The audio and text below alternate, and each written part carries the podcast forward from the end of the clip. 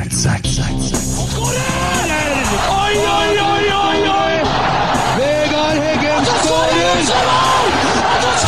Og Rosenborg leder et nydelig angrep! Et nydelig angrep! Til bakken Vegard Heggen her. Se det synet! Se det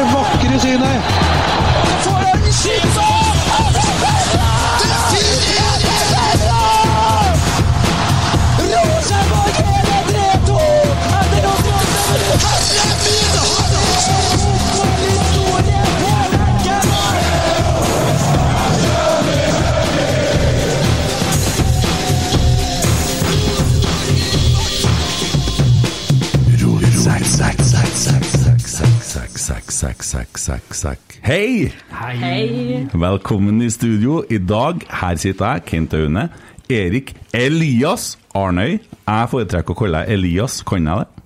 Det får du lov til, Kent. Og Pernille Sørli right now. Hei, hei. Og så kommer en Espen Viken etter hvert. Han er på et lite styremøte nå, tror jeg, i kjernen. Så han kommer, når han kommer seg fra, så er vi samla et lite team for å få til en onsdagspod i Rotsekk. Da uten Emil, Emil og Tommy. Men sånn, vi heter jo Rotsekk. Og Pernille, velkommen tilbake til Trondheim. Takk skal du ha. Nå er du i gang i ny jobb i Rosenborg ballklubb som publikumssjef, er det det heter? Ja, det er, min tredje dag nå som Ja. publikumssjef, ja. Det stemmer. Du rakk ikke å være her så veldig lenge før du, Nei, du rakk ikke å være her heller før vi begynte å mase på deg om å komme, da. Nei, det var faktisk over en Jeg hadde ikke rukket å slutte egentlig forrige jobben, og det var godt over en måned før jeg skulle begynne. Ja, Var det vi eller den Jørgen som kontakta deg da? Det var Nei, det var Emil. Ja, Emil i Som var tidlig på han. Jeg skal bare smekke kjeften til noen av dem som kaller oss First House på den måten. Nei, vi, vi bruker jo å gå utom en Jørgen til Jørgens store frustrasjon, men vi starta jo opp Rotsekk fordi at vi hadde lyst, eller som jeg sier, jeg er nå en godt voksen mann. Hva hva er gammel igjen? Jeg er yngre enn deg. Ja, Ja. ca. sju måneder. Ja, så jeg er jo mye yngre enn deg. Uh, og jeg er veldig glad i Rosenborg, veldig glad i klubben, og har liker godt å gå på kamp. Så, når, så, jeg har lyst til å fortsette å gå på kamp når jeg er 60, men jeg har lyst til at det skal være andre folk der òg. ifølge min uh, litt retarderte lillebror så er jeg snart 60, men det er nå noen år til det. Men så var det sånn, hva kunne vi gjøre da for å bidra? Jo, vi kunne jo starte en podkast, for at den er glad i å prate. Og så blir det noe, tar det noe form etter hvert. Og det har vi nå holdt på med i 100 episoder, faktisk. Og så sier jeg til deg da, Pernille, at vi holder jo egentlig på å gjøre litt av jobben din, for vi ønsker jo bare å få publikum på kamp. Og så har vi tenkt at beste måten å gjøre det på, det er å være positiv og skape litt positivt engasjement. Og på søndagen så kunne vi egentlig si det, og så si hva var det jeg sa? For det var jævlig bra på søndagen. Ja, det var rått. Hæ? Helt nydelig. Og jeg kom nå i studio rett fra en ny Innsiden-episode, og da kan vi si at vi har smekka Jeg kan jo si det, for at jeg kan være frittalende. Vi har smekka Kai Bardal og en del av de andre, Jesper Mathisen og hva heter han, Stig Torbjørnsen, han som kalte oss søppel og tippa oss langt ned på tabellen og sånn. Klar over at det er en kamp, men vi visste i hvert fall noe annet enn det var visst i presisen. Helt klart. Ja. Det skaper jo en positivitet, og eh, ja, det vil jo eh, gjøre noe med hvordan man ja, forholde seg til kampene fremover. Og jeg håper at det vises på kampen på søndag at eh, ja, folk ser at det var en artig kamp, og at det blir en artig kamp på søndag også. Ja, jeg tror den kan bli enda artigere, da, for at øh, så har jo Odd i fjor og friskt minne, og da vant vi 5-0. Men er ikke det bra herlig å komme på, på jobb som eh, nytilsatt publikumssjef på en mandag, og så vet du det, at ventetida på Ticketco søndagskveld har vært så til de grader lang, og du vet det at jobben din får en kickstart med at eh, kampen på søndagen selger plenty billetter. Altså det var jo, Jeg var veldig spent på søndagskampen, eh, for den vil jo absolutt påvirke hvordan første uke på jobb blir. Eh, og det var jo en kjempestemning og positivitet og herlig, herlig arbeidsforhold på denne uka her. Og sånn tror jeg det fortsetter å bli òg. Ja, eh, det var jo en utlyst stilling, og det var jo en del søkere på den, og så fikk du den jobben. Ja, du søkte òg, Erik! Jeg søkte på jobben din, Pernille. Ja. Gjorde du det? Ja. Du tuller? Jeg tuller ikke. Nei, for, men du, for du, du har fanzone. Jeg har fanzone. Skal vi snakke litt om fanzone først, da? Det kan vi godt gjøre. Ja, for det er jo i ene enden av uh, Lerkendal. Ja? For det er jo noe i andre enden òg. Ja. Og det er to på en måte forskjellige klientell på mange måter. Eh, Du har fansene som, som er et familiearrangement. Eh, Starter to timer før avspark. Hver enda kampdag. Og der er masse fine, fine aktiviteter. ja hva, hva da? Hva er det? De sparker en ball på en blink? Ja, det er fotballdart. Ja? Og så er det sponsorene og partnerne til Rosenborg som kommer og har eh, stands. Ja, Eh, og Gjerne da- med noen giveaways og sånne ting. Gratis Pepsi Max og Ja. sånne ting. eh, Og vi har eh, adresser Og dere deler ut litt adresser, flagg til ungene. Ja, og så Ja. har Adresseavisa ansiktsmaling, og det er en viktig bit. Ja. Ja. Eh, og det, Vi oppfordrer jo selvfølgelig alle sammen til å komme i fanzone før kamp. Vi skjønner at alle sammen ikke har tida til det. Mm. Men det er så god stemning, og det er en så bra start på kampopplevelsen. Det å komme ut på Nils Arne Eggens plass, ta et bilde sammen med Nils Arne og Mm. kose seg. Og nyte det øyeblikket før kamp, for det er der stemninga settes før kampen. Og da er det, som du sier, det giveaways. Nå på åpen dag så hadde vi jo Pepsi Max-trucken, og den Ja. blir også nå på søndagen. Det blir den, ja. Og så er det, er det Det var Bjørnes show på åpen dag. Det var det. Han har jeg forstått er Nå har ikke jeg barn sjøl, men jeg har forstått at han er en kjempehit Ja, blant barn. Ja de sto og venta. Det var tettpakka foran scenen der, og det, det er alltid en slager. Kommer han på søndag? Nei. Nei, ikke. Men har- Trollet? Ja, det er det jeg skulle si. At mitt mål er nå at trollet skal bli større enn Bjørnis. Det skal lages sanger, det skal lages danser, det, ja? fullt trøkk. Det er planen. Må ikke arrestere på meg en gang, det er noe å sette i gang med. Men jeg har store ambisjoner om at trollet skal bli ja, norgeskjendis. Ja. Men har dere merka at trollet er nytt? Ja, ja, jeg så det. Jeg vet ikke helt hva jeg føler om det. sånn ble kan det være med forandringer. Ja, det altså, hvor er, At han råtna, en andre maska, eller? Nei, så Jeg vet ikke hvor mye jeg skal fortelle om det, men det er av praktiske årsaker, annet. Ja. eh, At, at det er bytta ut. Og så ser trollet mye snillere ut nå. Jeg syns det er nesten så skumlere ut, men det er for at jeg ikke liker forandringer. Vet du. Ja, Du syns det er skummelt med forandringer, du? Ja, jeg gjør det. jeg gjør det. Kan vi Ja. snakke litt om følelsene dine rundt det, Kent? Ja, det kan vi gjøre. Ja. Men uh, kan vi ta det på en søndagspod i stedet? ja, men du, det, det er en god idé. Uh, trollet skal bli kjendis. Og, og da skal det lages musikk, da? Ja, det er jo det. Altså, nå må dere Altså, det er min tredje dag. Det her er planer jeg har. Ja, ja. Det er ambisjoner. Uh, Det er ikke skrevet noe sang ennå, men jeg syns det har vært helt rått hvis vi hadde fått ordna en egen sang til trollet. Ja. Egen dans, gjerne så man kan gjøre litt sånn hva skal jeg si, stående på tribunen, få i gang noe eh, alldans på tribunene foran eh, Tar imot, fansene. tar imot det som er bestillinga, da. Ja, Eh, hvordan sant? type sang vil du ha, egentlig? Du, nå er ikke jeg noen musiker sjøl, men der tror jeg du har bedre kontroll enn jeg har. Ja, men det vil lage en gladsang på det. Ja. Ja, Seriøst? Ja, ja, vi har det som et prosjekt nå. Ja, jeg lager en sang. Ja, for at er- Kanskje vi Altså, jeg blir med. Altså, for Ja. Pernille, jeg ga jo ut en Rosenborg-sang i fjor, og Kent ga jo ut en i år. Ja. Ja, ok, men Ja, du, min er jo mye Nei, Jeg trengte ikke lete lenger, altså. nei, nei lenger altså, nå skal jo jeg spille på stadion Ja, på søndag, og, og på minnesmarkeringa til Nils Arne. Mm. Uh, og jeg snakka med plateselskapet, kan jeg, kan jeg skryte litt? Ja, Ja. kjør. Jeg vet at uh, ikke hatersen er river seg i håret, men vi driter i dem i dag. Ja. Nei, vet du, jeg snakka med selskapet i dag. Han skjønte ingenting. Han har ikke sett på maken. Og det er jo sånn, han eh, Terje og meg har vært full krangel i veldig mange år, da, han som gir ut det her, da. Og, og så liksom alle tingene han gikk inn på nå i selskapet, så, så var det Kent Aune som poppa opp overalt. Det var øverst overalt. Men det som er artig, det er at resten av sangene mine har begynt å bli spilt veldig mye òg. Så i dag så er alle sangene mine streama. Alle.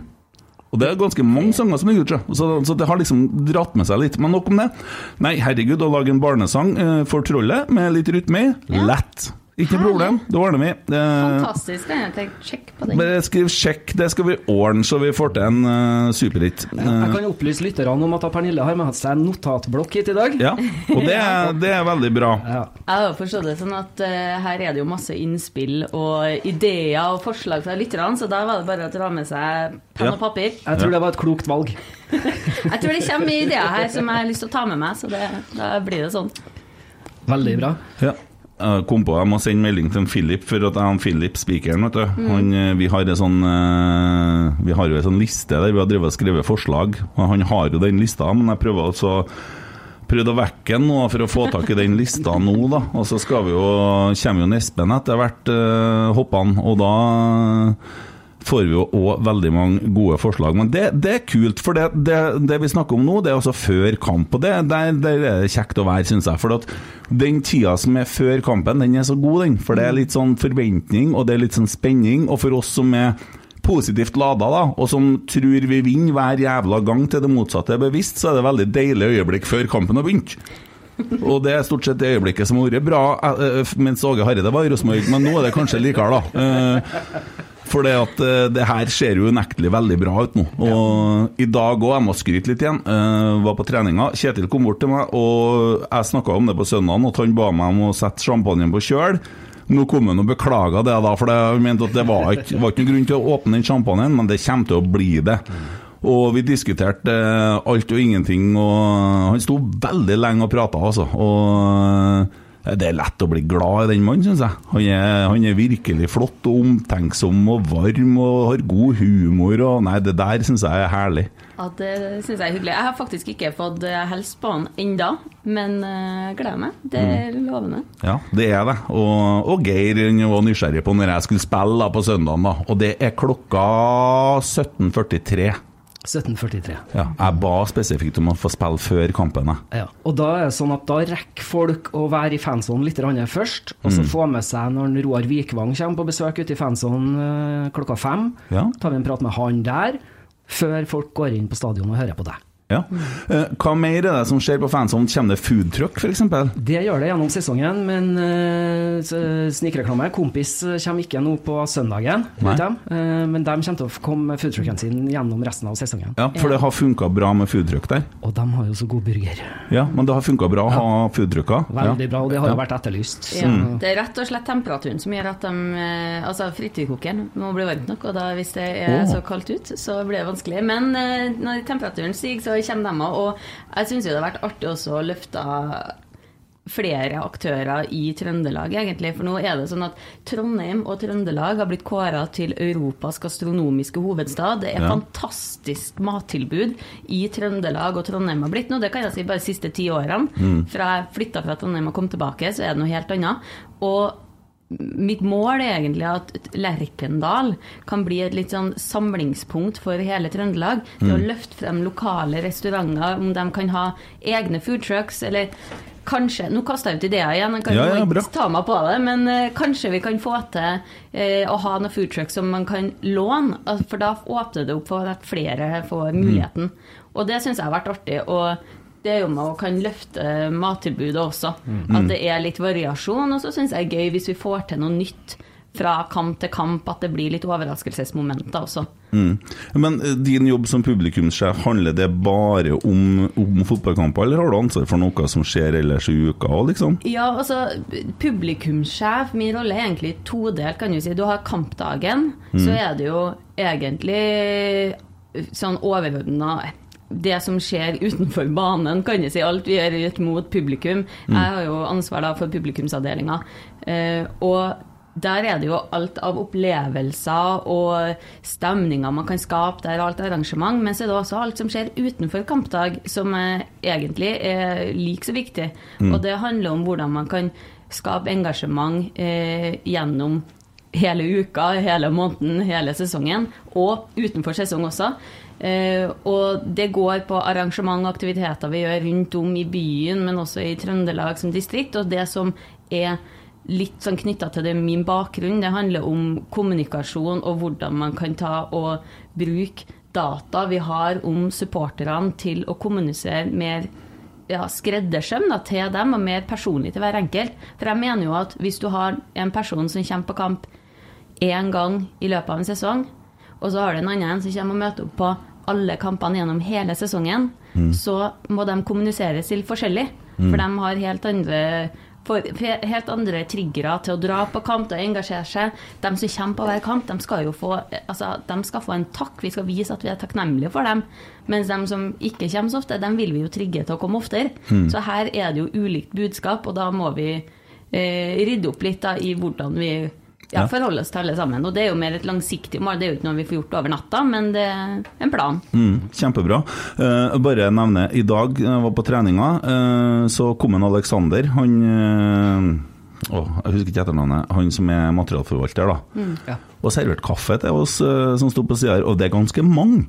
Eh, det har vært veldig koselig om de har åpna opp eh, en eller annen plassen der man kan på en måte henge litt. For at eh, i forrige uke så var det en dag det ikke var trening. Jeg for likevel, da. Bare for at eh, så kjørte jeg, så så jeg det sto noen folk der, da.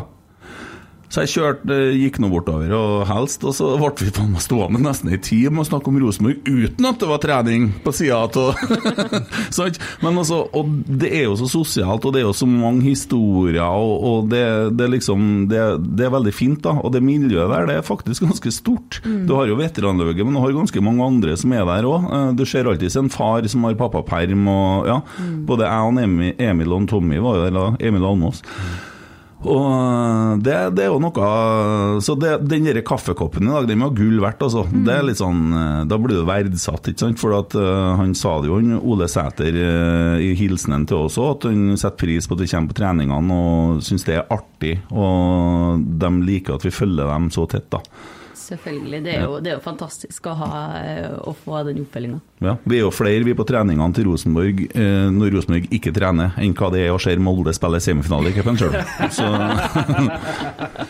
det, ja, ja, ja, men herregud. Men vi skal ikke fly, altså, jo, Det er jo litt synd, ja, for at de driver og spekulerer med sesongkortene sine, og så er det ingen på kamp der. og Det er litt sånn trist, for det er litt sånn nedadgående kurve hele landet over med, med å få publikum på kamp, og da må vi gjøre en felles innsats. og der er vi litt sånn, Det tror jeg alle supporterne er enige om, da, å fremme norsk fotball og sånn. Og der må jeg si at Discovery gjør en dritjobb i år, men TV 2 ser ut som de kommer til å komme veldig på ballen i 2023. Det er jeg snakka med TV 2 i dag, faktisk, for han var der, han trønderen da, som jobber i TV 2. Og TV 2 har jo vært mye mer på Rosenborg nå, og det kommer til å bli massivt neste år. Og det gleder jeg meg til. Og da er det viktig at vi henger med og er framme, og at Rosenborg er gjeldende. Og det, det er bra. Ja, eh, andre ting før kamp, så er det jo eh, selvsagt når Espen kommer, så er det jo snakk om eh, det som skjer i andre enden, da, som du snakka om, og det er jo oppe i Øvre Øst, da. Og der er det jo åpen pub, og den åpner jo klokka tre noen ganger, ikke sant? Ja, den åpner vel tre timer før kamp. Ja, Ja, ja. ja klokka tre på søndag, og det, der henger de jo og sitter de jo og koser seg og, og hører musikk og sånn, og noen ganger er det noen konserter oppå her og sånn. Og det har jo vært Dit må du gå på og se. Du, eh, på, på søndagen så eh, Da skal jeg faktisk gå prøve meg som vert. Vi trengte litt flere verter på, eh, på Da skal jeg på Pepsi Max-vippen Jeg Skal prøve Ja. meg som vert, så det blir Ja. artig. Men jeg skal prøve å få sprunget litt rundt før det, og bare få Mm. ja, hilse på litt folk og sett litt hvordan det er. For det er jo en stund siden jeg har fått vært på kamp på Lerkendal nå. Mm. Siden jeg har vært i Oslo. Ja. Eh, Du er jo dattera til en tidligere Rosenborg-spiller, ikke du det? Det stemmer. Eh, faren min Jørgen Sørli han spilte i 79 til 86. Å oh, ja. Ja. ja. For jeg trodde det var Steinar, jeg. For, for det er en keeper, sant? Ikke så vidt jeg vet, du må Nei, nei, nei, nei. Jørgen Sørli, ja. Yes. ja. Og han spilte på Rosenborg fra Fra 79 til 86. til 86, ja, men da var han med og vant 85, da, for da var Det vi stemmer. Ja, Det stemmer. Så ble han toppskårer i 79. Ja, første året sitt, det. Kom fra Nesset. Hva- er Den at du vet det. Det begynner å bli noen år siden. Ja, ja, så jeg var ikke så gammel da. ja. I, I 79, hvor Men jeg var god var, fortsatt gamlere enn Kent. hvor god var Rosenborg da? Han skåra to mål, sier han. Nei, han skåra sju. Han skåra sju, ja! Herregud. Så det, dere nå Nå har du tatt en Tommy allerede. Ja. Ja. Jeg skåra vel 22 mål i eh, Rosenborg-tida si. Jeg har, jo, jeg har jo litt sånn eh, Jeg håper jo at jeg skal få høre litt sånn historie nå, når jeg møter litt sånn gamle folk fra gamle spillere som kjenner til ham. At jeg kan få litt uh, Røverhistorier. Ja, mm. jeg har tenkt meg det. Det er ikke, han gjør ikke så mye røver... eh, det nå, så det har vært artig. Ja, og 79-85, det var bare å snakke med en uh, Sverre Brandhaug, da, så får du vel historiene. han, vi, han skal vi jo etter hvert få i studio her òg, har jeg tenkt, så da er det sikkert historier, men eh, ja, jeg skal ikke love at far din er med på dem. men da har jo du som lita pie fått vært med pappa på kamp, da? Mange ganger. Altså, og det er jo det som jeg husker best fra kampene på Lerkendal. er Det kan jeg jo si med en gang, at jeg er ikke noe fotballspiller sjøl. Uh, og det som trigga meg, eller fikk meg til å dra på kamp igjen og igjen, det var jeg, jeg, Det er ikke noen konkrete mål jeg husker på, eller en kamp som skilte seg ut, men det som bare Det jeg elsker med Lerkendal, det er når du kommer opp trappa inn på tribunen, og du bare ser utover, og det er flombelysning. Det er et fullsatt Lerkendal. Du hører, hører bruset fra tribunene. Og den stemninga der, den er, den er, magisk, og den finner ikke du andre steder. Det er noe helt eget som Lerkendal har, og det er det jeg ønsker å få skapt igjen, da. Mm. For det er Ja. Det er noe magisk. Ja, det er magisk. Herregud, hvor jeg gleder meg til søndagen når du sier det her. Å, oh. herregud, jeg kjente at det fikk sånn rysj i kroppen. Ja. Ja, det, det, er noe med det der, og så lukta av gress, da. Mm. Ja. Ikke av Lego.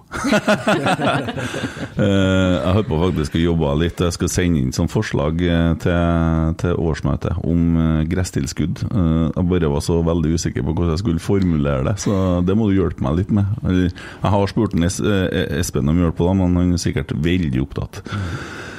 Men, eh, så det, det, det, er et eh, bra forslag å fremme, at eh, det skal settes litt mer krav rundt i det vide land mm. i forhold til det. Jo, vi hadde jo en Ståle Solbakken med i episode nummer 100. Eh, og han snakka jo om akkurat det med gress og kunstgress, da. Så, og han har jo vært en ambassadør der, så noen ting bra gjør han jo. Mm.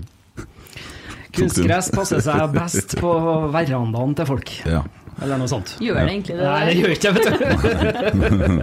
det var det eneste jeg kom på. Ja, men eh, nei, vi har noe det, Årsmøtet må jo fremme det for NFF, og så må de jo på en måte ta tak i det, sånn at vi kommer opp på en europeisk standard i Norge. For vi kan ikke holde på med det der, for det er jo bare Det er jo ingen land som har det lenger. Det er jo, det er jo bare tull. Men eh, og Anders har jo sagt seg villig til å lære bort all sin kunnskap, han til alle sammen, så det er jo ikke noe sånn at uh, Men fotball må spilles på gress. Men det var nå den følelsen. Men jeg tenker nå snakker vi litt sånn om før kamp og det som skjer og sånn, og det blir jo veldig spennende hva, så noen år fram i tid, da, hva de gjør bak eh, klokkesvingen og hva som bygges der og sånn. For det er klart at vi er jo litt desentralisert i forhold til sentrum, og det er ikke så veldig mange andre ting. Vi har en liten domino uh, Dominos, det heter Domino's pizza, ja. ja. Uh, med veldig lang ventetid. Uh, jeg og Geir Arne var en gang og tok 50 minutter før han fikk pizza. Der var det i hvert fall litt å gå på. Uh, og han Men den, det er liksom Det skulle ha vært flere sånne ting rundt der, sånn at det går an på en måte å henge der, og, at det er noe som skjer, og at det er på en måte fasiliteter. og håper og veldig spent på hvordan det blir bakom der, da. Mm. Og at det blir mer sånn uh, muligheter for folk, da, sånn at det blir enda mer naturlig. En annen ting som jeg tar ifra hodet mitt nå, og som jeg har tenkt på før, det er at jeg lurer på om Rosenborg får til å snakke med Trondheim kommune i forhold til parkeringsbøter på kampdag. For det har vært noen ganger hvor de har vært ute og delt ut i hytt og gevær. For det står jo sånne biler sånn som folk parkerte før, da. Men nå har det blitt så forbanna strengt. Går ikke an å ha på en måte sånn der jailfree card akkurat eh, på kampdag. Er det helt utelukka, det? Du spør du vanskelig til meg. ja, det skjønner, det skjønner, jeg veldig godt, men det der må da gå an. For jeg vet at det er folk som har slutta å dratt på kamp fordi at de har fått bot og ikke får til å parkere. Mm. Og, og, det er jo liksom det, Og det har skjedd også på Byåsen-sida, for de parkerte og så gikk over brua og rett bort. Ja. Og Der var det jo som vanlig å parkere, men plutselig så har de bestemt seg for å ta dem. Men det var jo veldig mange år hvor det var greit. Mm. Mm. Kan man ikke gjøre det enkelt da, som Trondheim kommune, og gjøre det enkelt for Rosenborg å lykkes med sånne ting? da? Det er jo snakk om å spille på lag. For det er jo ikke noe sånn at det er til fare for noen. sånn, og Alle vet at nå er det kampdag. da Da står det litt sånn eh, Sånn som det var bingo på Folkvang før når jeg var liten. Da var det bedre biler opp etter veiene overalt, ikke sant? Ja, men det sto jo sånn oppover Torbjørn Bratsveien før. Da sto jo bilene i hytt og gevær oppover gressplenen eh, i Torbjørn Bratsveien. Ja. Og som du sier, på Byåsen-sida, på, på Stavne-sida òg. Ja, men det må gå an å gjøre det med noe skilting eller noe sånt, da, og så si at uh, det er kamp, liksom. Det er en- det, det, det én gang hver 14. dag da, i år. Jeg tror ikke bare til NFF det må fremmes noe forslag her, altså. Nei, men det, det er en idé, ikke sant? Det, det, det er jo et tema som kunne vært brakt på banen og sagt vær så snill å spille oss god. Det, det er kampdag, vi trenger det vi får til, for vi trenger å, å gjøre det lett for folk å gå på kamp. Mm, absolutt. Jeg noterte meg det nå i blokka mi, så det Noen må, det må gå an å i hvert fall ta den telefonen. Det er sikkert tatt før, da. Det er jo ikke sånn at folk tar den telefonen og ringer til en Kent Aune og forteller at nå har vi ringt, men eh, det er i hvert fall et innspill. Ja, og Hvis ikke så må nå så City Syd stille parkeringsplassen sin til disposisjon, og så må Rosenborg sette opp busser derifra. Ja, det er jo Fått innspill der òg. Ja. Det, det går an. Alt er mulig. Så det, det må gå an, for det, i hvert fall så er vi, er vi der at det er litt vanskelig for folk å parkere eh, før kamp. Ja. Uh, ja. Uh, da tror jeg vi skal bare vente og slippe inn en Espen her, så blir det mer kaos i studio. Da har vi fått besøk også av unge, lovende Espen Viken. Og takk for sist, Espen. Takk for sist. Det var veldig koselig. Var veldig hyggelig. Vi hadde oss en liten guttekveld, vi. Ja. God mat og hørte litt Du måtte høre mye Kent Aune-musikk. Ja, men eh, du la merke til at jeg tok en rotsekk. Jeg var bare positiv. du begynte å lagre ting. Herren skal i mai-lista, herren skal i april-lista. Herre, herren er bra, herren er bra. Det var, det var hyggelig. Jeg har vel framskrevet noe du holder på å gjøre ferdig nå, som jeg tror kan bli en sommerhit. Ja. Eh, ikke, kanskje ikke til alle dem som har litt for mye Kent Aune i monitor allerede, Ja, men- til alle oss andre, så ja, det er jo det som er fordelen med monitor, og den kunne du skru av. ja, men Du skjønte hva jeg mente. Jeg gjorde det. Ja. Men det er derfor du er her, for at det blir mindre Kent Aune i monitor straks du kommer i studio. Ja. Eh, Vi har jo Pernille i studio, vi har sittet og snakka litt om eh, Rosenborg og ja, greier. Jeg skal bare nevne, nå har jeg fått kontakt med Jørgen uh, i forhold til den drakta vi spiller med på søndagen. Ja. Så er det på arma bilde av Nils Arne Eggen. Det er en veldig spesiell drakt, uh, kun denne kampen. Mm, det stemmer. Det er jo en hyllest av en eh, Nils nå på søndag. Det blir på drakta, som du sier. Eh, men så er det også det at det deles ut 10 000 skjerf til de 10 000 første som kommer. Eh, og det er skjerf som du kun får på denne kampen. Da er det hvit eh, tornado på eh, skjerfet, så jeg gleder meg til å se hele Lerkendal fylt av dem. Og vi sier at Altibox ofra logoen sin for å få Nils Arne på den drakta. Det er ganske rått. Det, er- det er bra. Så det er, det er veldig spesielt. Og de draktene blir det vel også noe i forhold til seinere, har jeg hørt rykter om, uten at jeg helt vet hva det er. er det noe, så var, hørte jeg noe snakk om auksjon eller noe? Det stemmer, det. Ja. Det er auksjon på av draktene. Nå Enten så gikk det til minnefondet til Nils, eller så gikk det til Ukraina. Jeg lurer på om det var Ukraina, og så var det billettinntekter, så en del av dem som gikk til minnefondet. Ja, for det, at vi har jo, det er jo noen ting nå som er i disse tider eh, Dæven, det har vi sagt i to år, Erik. Ja. Men jeg, jeg, jeg, jeg kan konkretisere det du sa nettopp nå. Ja. Eh, På første hjemmekamp så går ti kroner av alle billettene til Nils Arne-fondet, og det fondet, de, de pengene som kommer inn nå, de går til Ukraina. Ja. Røde Kors, Sjø. Ja. Herlig. Ja, og det, det er jo fint å vite òg, for det, så ved å komme på kamp, så støtter du også Ukraina. Yes. Ja.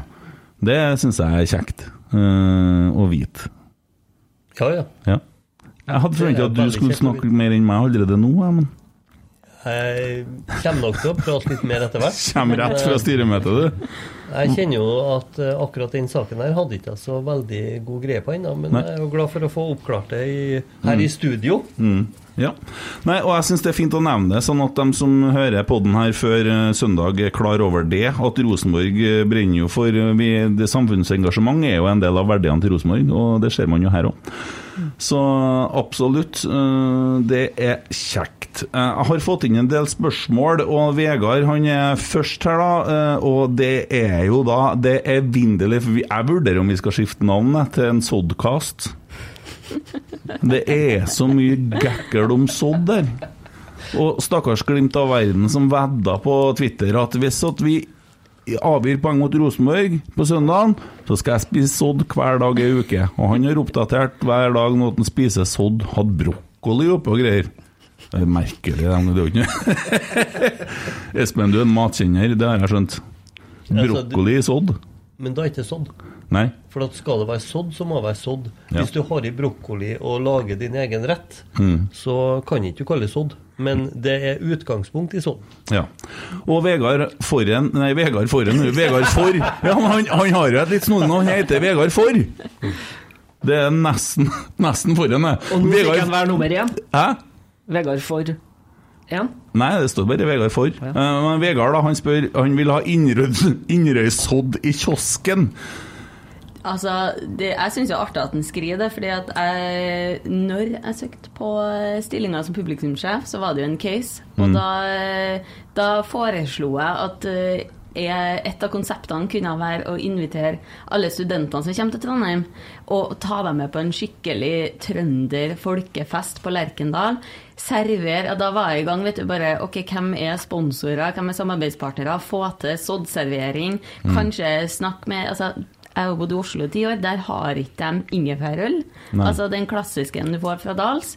Server det, server sodd. Prøv å koke sammen alt som er så trønderstemning som du får det. Og så inviterer vi alle. De kommer jo fra land og strand. Andre land òg. Det har vært artig å få til. Så jeg, jeg syns jo det er en god idé. Ja, det hadde vært kult å prøve å ha sådd i noen kiosker. Hvor vanskelig kunne det være å tømme ei bøtte oppi en kasseroll? Jeg tror de siste porsjonene hadde blitt veldig skuffa. Det har vært mye potet.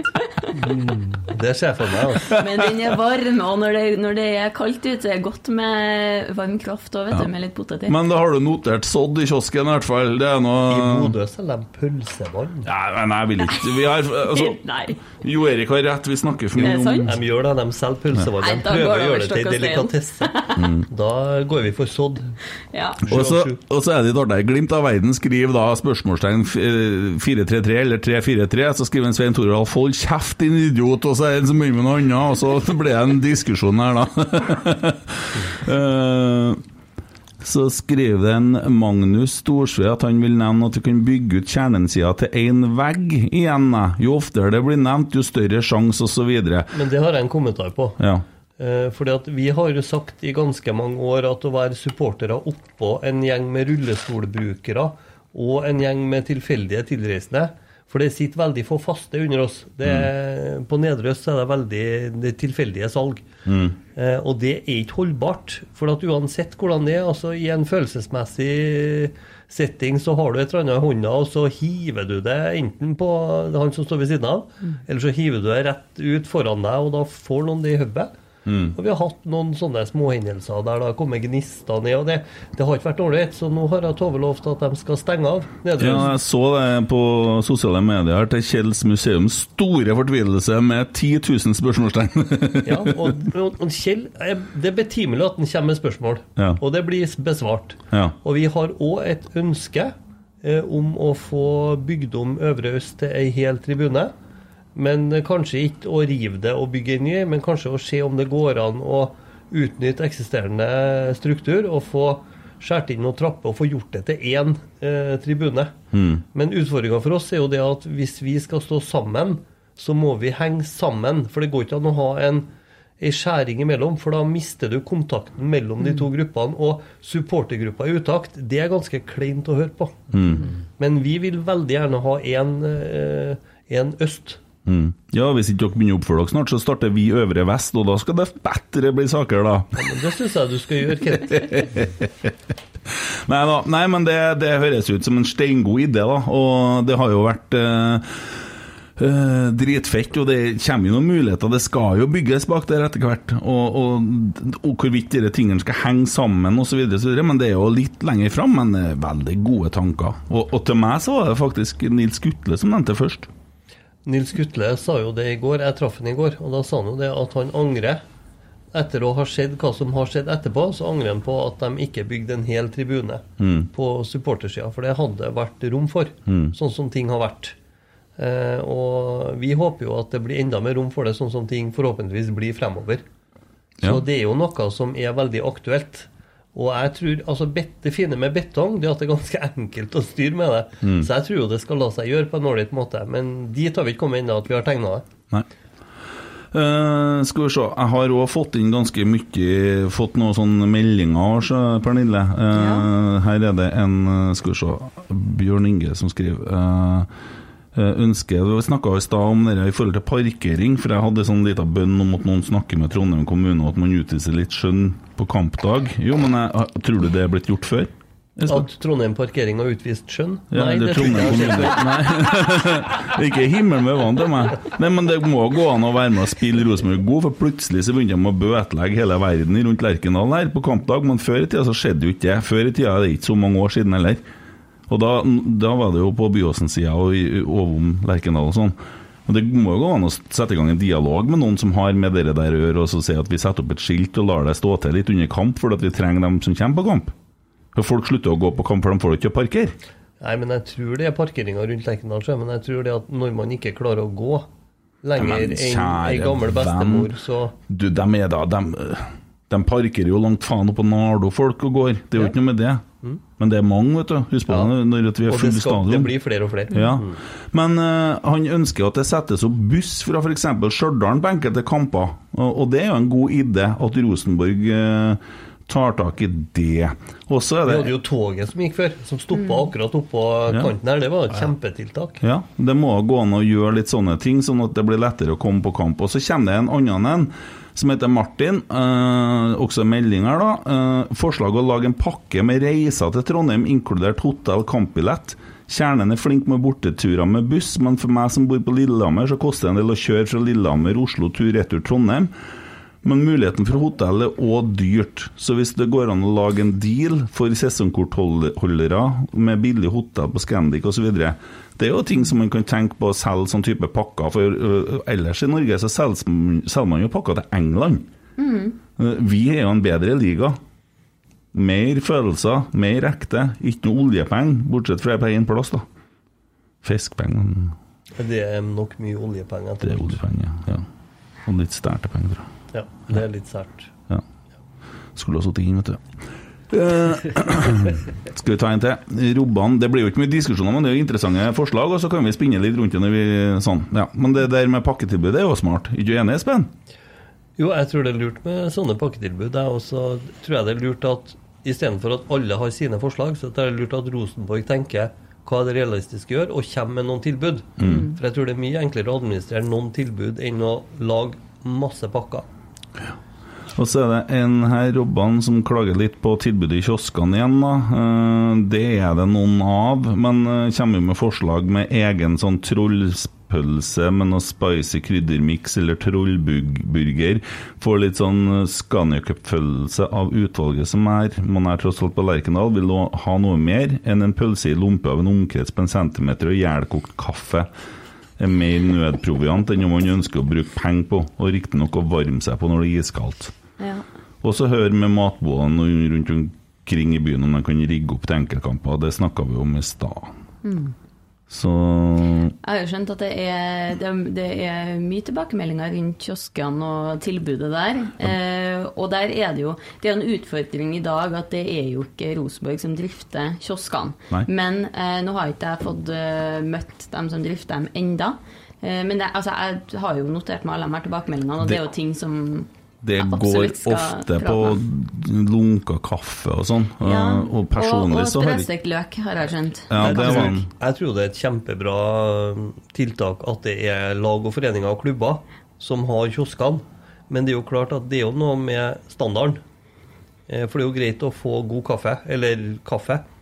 Altså, jeg syns jo det mat og drikke når du er på et arrangement, det er en viktig del av arrangementet. For det er ikke noe som lager så dårlig stemning som hvis du sitter sulten og tørst og litt kald. Da, eh, det er viktig å få eh, ja, ha gode, godt tilbud og god kvalitet på det som er der. mm. På Kjernepuben så sier vi jo at det er mye god mat i godt øl. Ja. Og vi holder jo en knapp på dalsølet. men vi ser at det er en kjempeutfordring at Scandic har en helt annen opplevelse av hva en medlemspris i en medlemspub er, enn hva vi har. Så om vi har noe ønske om serveringer på, på eh, Lerkendal, så er det jo at vi kan få en eh, god supporterpris på Hva, hva, ølet. hva ligger den på nå? Det vet ikke jeg. Nei, eh, jeg tror fort den har ligget oppe i 9,80 ja. Ja, Eh, med medlemskort. sant. Og jeg tror ikke altså Vi trenger ikke å få den gratis, men det har vært veldig ålreit å oppleve at det var reelt.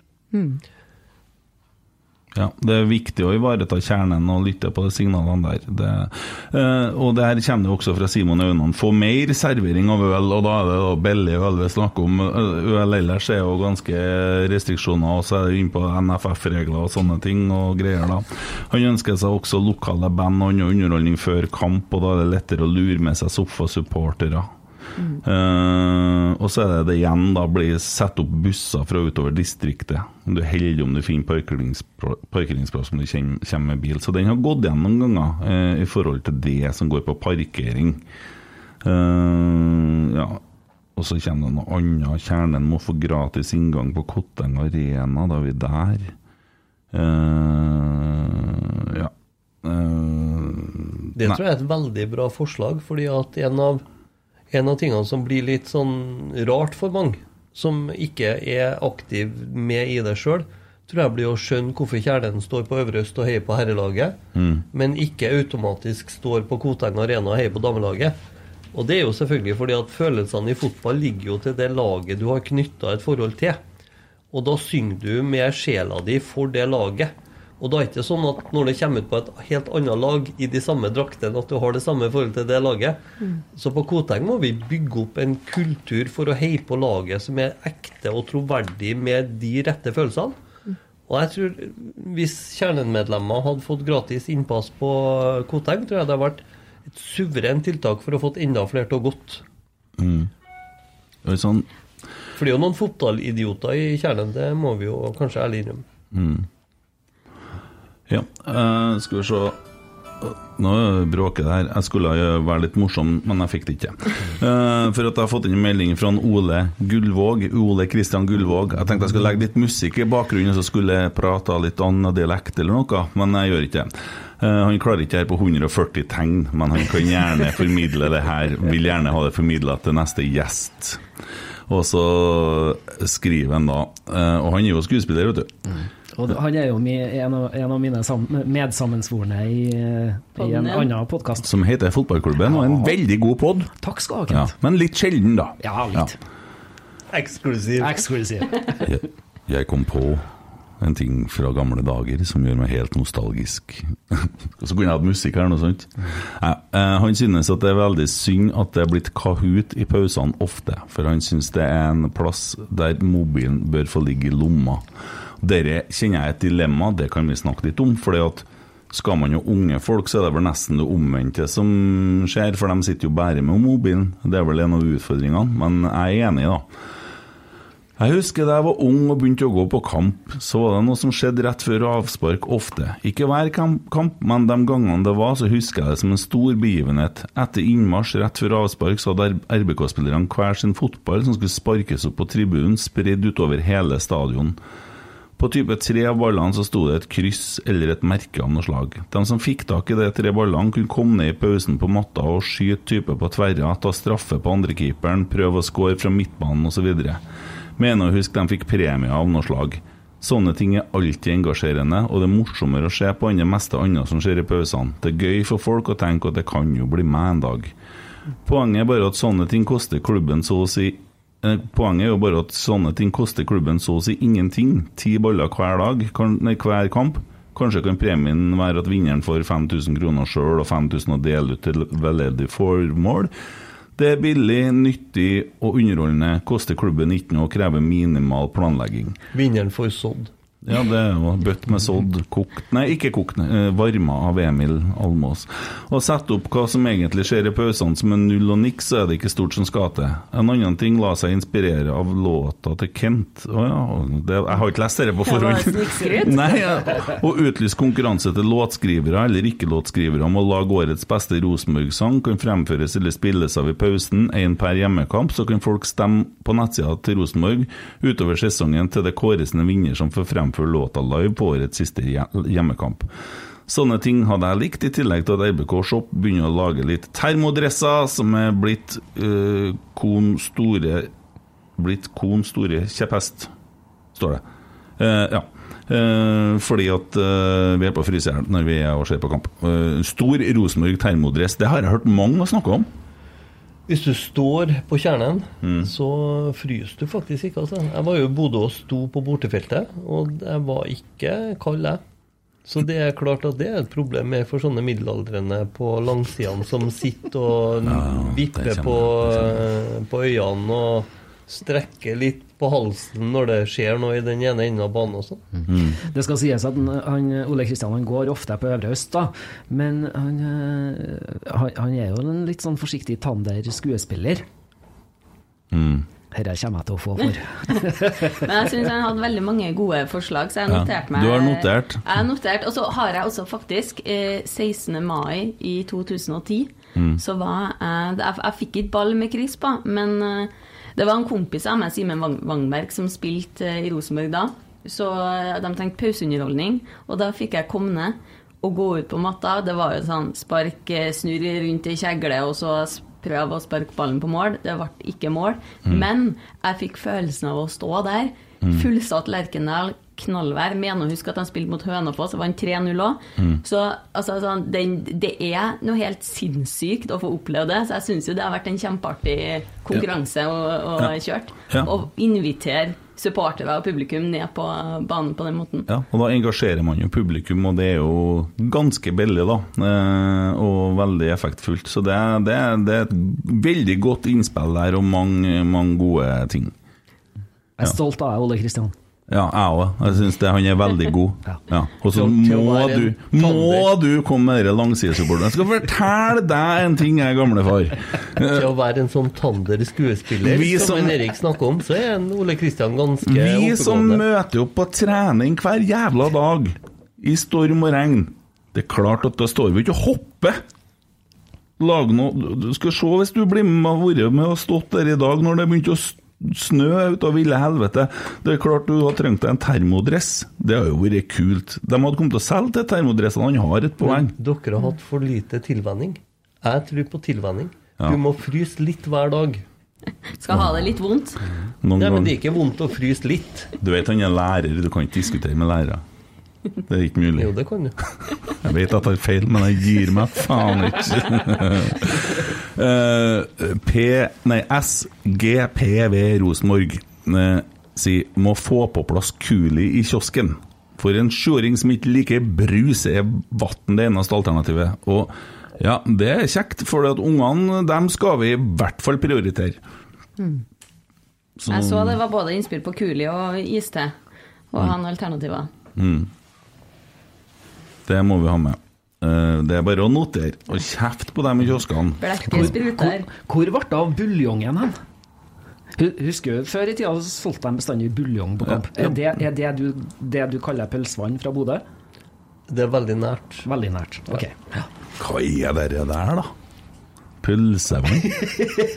Men det er jo ofte buljong i pølsevann, så vi er jo ikke så eh, langt unna det Nei. vi driver med. Altså, jeg, jeg vokste opp på buljong av min far, det var det han serverte meg. Men du har vokst fra det nå.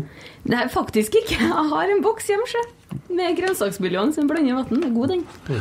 Ja, og så kommer det ifra Malcolm, en våken kar her. En kamp med RBK eh, bør være en heldagsevent der det skjer ting i hele byen. Næringslivet bør komme på banen og bidra til engasjement. Underholdning på torget, plakater, flagg i vinduer, giveaways til ungene og gratis busser til stadion for kampstart. kampstart. Jeg er litt dårlig sånn på artikuleringa i dag, men det har vært en lang dag. Jeg tror du Eh. er kald inni deg. Ja, mulig, mulig. Eh, men dere der er noe. Og eh, nå er det kamp på søndagen, og nå har jeg begynt å se litt på sosiale medier. Men jeg mener at øh, eh, det skulle ha sittet en Noah Holm på City Lade og solgt sesongkort. Og en Ole Sæter på Trondheim Torg og solgt sesongkort.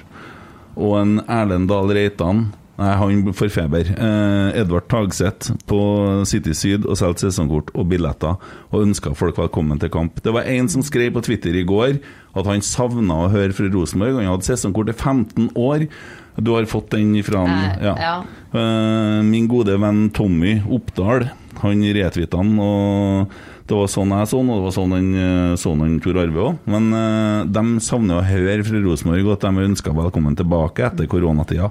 Og det er bare å ta til seg. Og det skjønner jeg at eh, han Tor Arve har fått med seg og gjort. Men dette var jo det du snakka litt om i sted, Pernille. Det å tilpasse kommunikasjonen ut ifra den som går på Lerkendal én gang i løpet av sesongen, og den som går på hver bidige kamp. Det å kommunisere direkte til den det gjelder, på den måten som treffer det mennesket, som aspirerer til å få den som går på én kamp, da, til å gå på flere. Eh, Og det er jo litt av den prosessen som jeg er inne i nå, er å se på hva slags data er det vi faktisk har tilgjengelig over dem, eh, dem som har vært publikum tidligere, eh, og hvor lang tid tilbake, og prøve å se litt om hvordan er handlingsmønsteret.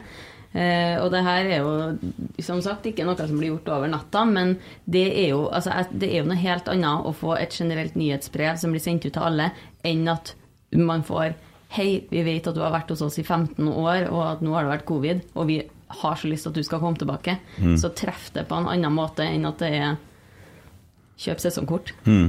Ja, eh, fordi at altså, jeg tror breddeklubber de sitter og spillerne sitter og ringer og jobber litt og står på litt. Og, og det er klart, eh, i 2018, eh, med den eh, som skjedde på sommeren der, så var det vel et frafall på ca. 5000 færre på kamp. Og så fikk vi covid i trynet, og det er jo frafall på veldig mange tusen. Og så skal vi bygge det opp igjen. Men jeg, syns det er verdt å si at det er ikke sånn at de ikke har sendt ut informasjon om eh, sesongkort og både 365, RBK 365, og det her har jo blitt kommunisert både på nyhetsbrev også, men det som er min tanke i det, det, er det å gjøre det mer personalisert. Men kommunikasjon blir jo sendt ut i dag også. Det blir den. Jo, jo, og det, og det skjønner vi. For vi, eh, så jeg tenker at eh, det er veldig mange på brakka som gjør en utrolig god jobb, og, og det, det er vi fullt klar over. Og det står stor respekt av det som blir produsert på veldig mange plasser. Og så kommer det signaler, og kommer ønsker, og dem må vi bare notere, for her må man være framme i skoen, tenker jeg. Og, og det er jo ikke sånn at det, det, alt skal tenkes konst, konstruktivt om, da. Er ikke enig, Espen? Nei, men altså, den personlige touchen, den tror jeg er undervurdert. Den mm. er så utrolig viktig. Og hvis det er sånn at spillere, støtteapparat, administrasjon eh, Hvis hele Rosenborg ønsker seg flere på kamp, ja, da må de faktisk eh, gjøre en jobb for å få til det. Og ikke bare stille spørsmål ut i skya hvordan skal vi få det til. For vi skal selvfølgelig gjøre det sammen, men der må alle sammen trå til. Og der er vi jo i en kjempeposisjon, tenker jeg, med å være, eh, være Rosenborg da, og ha de supporterne som har den lojaliteten og den, den følelsesmessige tilknytninga. Det Nå har jeg jobba med ganske mange bedrifter når det kommer til det med personlig kommunikasjon tidligere. Og den posisjonen som Rosenborg har overfor supporterne sine, den er det Jeg tror ikke det er noen andre jeg jobber med som har den har den, det forholdet, den relasjonen til supporterne. og Men du det er får- fordi vi ikke er i bedrift, Pernille. Ja, ikke sant? Vi er en drøm. Det jeg er enig. Men det er, det er, da syns jeg det fortjenes enda mer, da. Da er det enda viktigere å kan gi det tilbake. Det går ikke bare én vei, det går begge veier. Nå fikk en Erik idé om å starte en drøm. Sæd. Du skulle høre eventyret nedi I have a dream. Uh, før i tida så var det bestandig Rosenborg-flagg på Elgeseter bru. Det var Rosenborg-flagg på alle bussene. Det var noe som jobba i underbevisstheten til folk som ikke hadde kjøpt seg billett ennå på kampdag. Jeg tror de, der, de små signalene der som man sender, de der reminderne om de tingene, gjør at det kan også sende flere folk på kamp. Helt sikkert. Og jeg tenker, eh, rent sånn logisk, da eh, For at vi altså, som musikere så driver man jo så Uh, har en sånn samtaler i forhold til Du har sånn haters, så har du folk som elsker det du gjør, og sånn skjalg snakker mye om det her. Og du skal drite i dem som ikke liker det du gjør, for dem får ikke gjort noe med. Og så er det bra med dem som liker det. Men du må ikke se for mye på dem heller, for da blir du blind, sant. Men så er det da de fleste, de har aldri hørt det før. Trondheim er 200 000. Men på kamp så er det faktisk utrolig mange fra det som før het Nord-Trøndelag og Fosen òg. Så det, det er ikke så veldig mange fra selve Trondheim som går på kamp. Og de aller fleste som bor i Trondheim, har aldri vært på Lerkendal. Og Det er veldig interessant i forhold til markedsavdelinga. Hvordan skal du få tak i folk som aldri har vært der før, og at de skjønner hvor bra det er. Altså Selvsagt så gjør du det med bra spill, det skjønner alle.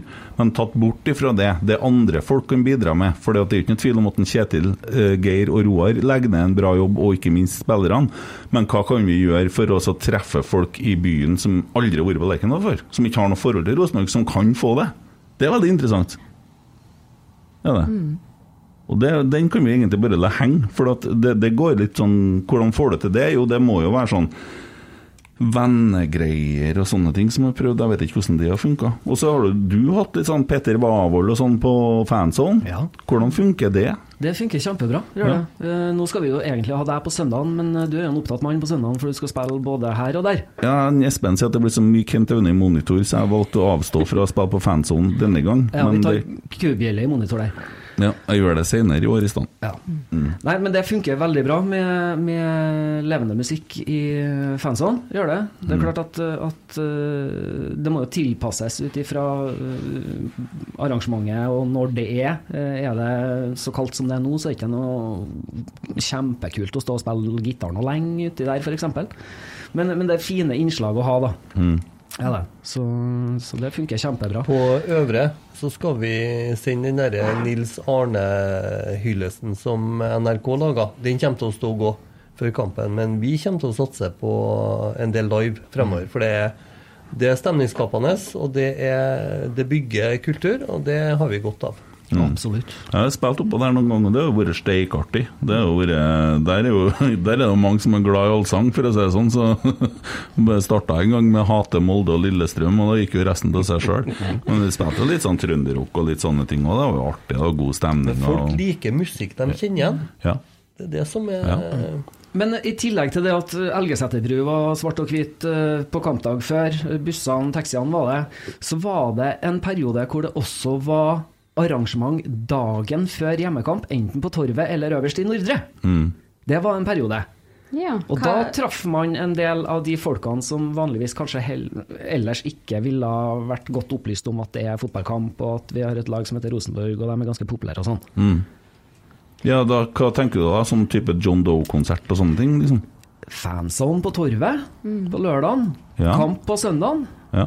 Med spillere på Torvet. Det er en sikker vinner. Mm. Godt innspill, altså. Blekket spruter her nå. Ja, det er bra. Jeg sa du kom til å få bruk for notatblokka her.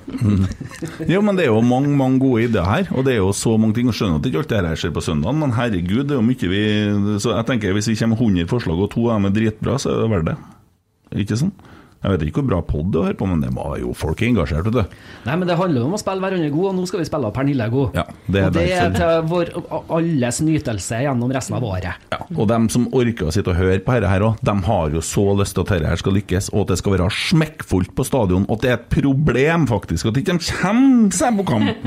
Og at det er faktisk Nå må vi bygge igjen svingene, vi, for det, det er så fullt på Lerkendal. Det blir noe dårlig med parkering, da, hvis det blir så mye Det blir veldig dårlig med parkering, det, stenger det er sant. Men da har vi fått det der med busser og sånn, vet du. Ja. Ok, jeg gir meg. Hva er- Jeg har tenkt å ta dette på alvor. Eh, Så der jeg bor, så har jeg bestemt meg for at eh, før lørdagen så skal jeg gå en runde innom alle naboene mine, og det er ca. 30 stykker. Og så skal jeg spørre dem om de skal på kamp på søndag. Ja. Ja. Hvor bor du hen? da? Hva er det? Bakklandet. Pop. Jeg flytter dit jeg nå på fredagen. Ja. Der kjenner jeg enda en sånn annonse. Eirik, du noterer. Eirik, Eirik, Erik. Var ikke det Elias? Jo, Elias jeg skulle holde meg til. Elias. Er ikke det kompisen til Ole Kristian? Vet ikke. Eh, Ole Kristian er jo mer kjent. Ja, ja, men jeg vet ikke om de er kompiser. I morgen skal Jeg jeg, jo bli det. kjent, for da skal jeg på NRK P1. Skal du det? Ja. Hvorfor skal du det? For at jeg har skrevet fotballåt, Kent. Ja, den er veldig fin. Ja, takk skal Det du ha. er Nardo-sangen. Ja, det er Nardo-sangen. Ja, Men du har skrevet en veldig fin eh, fotballåt, du òg. Jo, men drit i meg en gang nå. Den Nardo-sangen er faktisk så bra at jeg sa til deg at det var synd at det var en Nardo-sang, for den begrenser den så mye. Den er faktisk dritfin. Får jeg sikkert kjeft på Twitter igjen, da. Og det fortjener du. Det var en annen en som var så forbanna på at vi har sagt noe feil om Strindheim her i en pod. Vi har sagt feil antall poeng i eh, serien. Du vet hva som er verre enn Kent i monitor? Eh, Det vet jeg ikke. Det er Twitter i monitor. Ja, det er sant. det er sant Tilbake til Twitter. Eh, eh, gått rundt i by kjøpesenter. Ingenting tyder på at hjemmekamp. Den tok jeg i stad, ja. Nei. Eh, Stand på Torget kjøpesenter, det har vi nettopp snakka om. Musikk, maskot, underholdning gjør folk oppmerksom på det kamp. SoMe er ok, men engasjement kommer av folk. Så kommer Skjermtroll. Eh, eh, bilder av Nils Arne. Eh, artig kar på Twitter, Espen. Der er ikke du. Jeg vurderer å følge deg og slutte med Twitter, men akkurat nå har jeg bruk for det. En storskjerm i intervju før kamp og direktebilder fra området, spillere på vei inn osv. To aktiviteter for unger. Det er jo ditt ansvar, da. Ja. Det går an kanskje å ha aktiviteter for unger på banen òg, gjør det? Ja, og så jeg kan skyte inn der òg at jeg ønsker meg en storskjerm på veggen utafor Lerkendal som spiller mot Nils Arne Eggens plass. Og så ønsker jeg meg et kamera som henger oppå sammen med den storskjermen der, som filmer Nils Arne Eggens plass, som vises på storskjermen inn på stadion. Ja, Du, det, ønsker jeg trenger du trenger ikke storskjerm lenger nå, for nå har du fått sånne, sånne prosjektører. Sånne mobile prosjektører til Ja, men- 10 000-15 000 som lager så gode bilder på ganske store at du kan faktisk klare deg med noe sånt. ja, men det mobilene skal vi legge bort når det kamp, har vi funnet ut i stad, Men det er jo ikke en mobil. Det er en mobil Å ja, det er sånn, ja. Nå trodde jeg, ja, nå trodde jeg du satt var litt sarkastisk. kanskje. Så, så store mobiltelefoner finnes jo ikke. Eh, flere sitteplasser for folk som vil sitte og drikke før kamp. Uh, det var òg noe om noe telt der, da. At uh, man må bruke det teltet når det er uvær ute på Nils Arnes plass. da. Jeg vet ikke hvordan det funker, den teltsaken der. Nei, sånn som jeg har forstått det nå, så har ikke de skjenkebevilgning akkurat nå.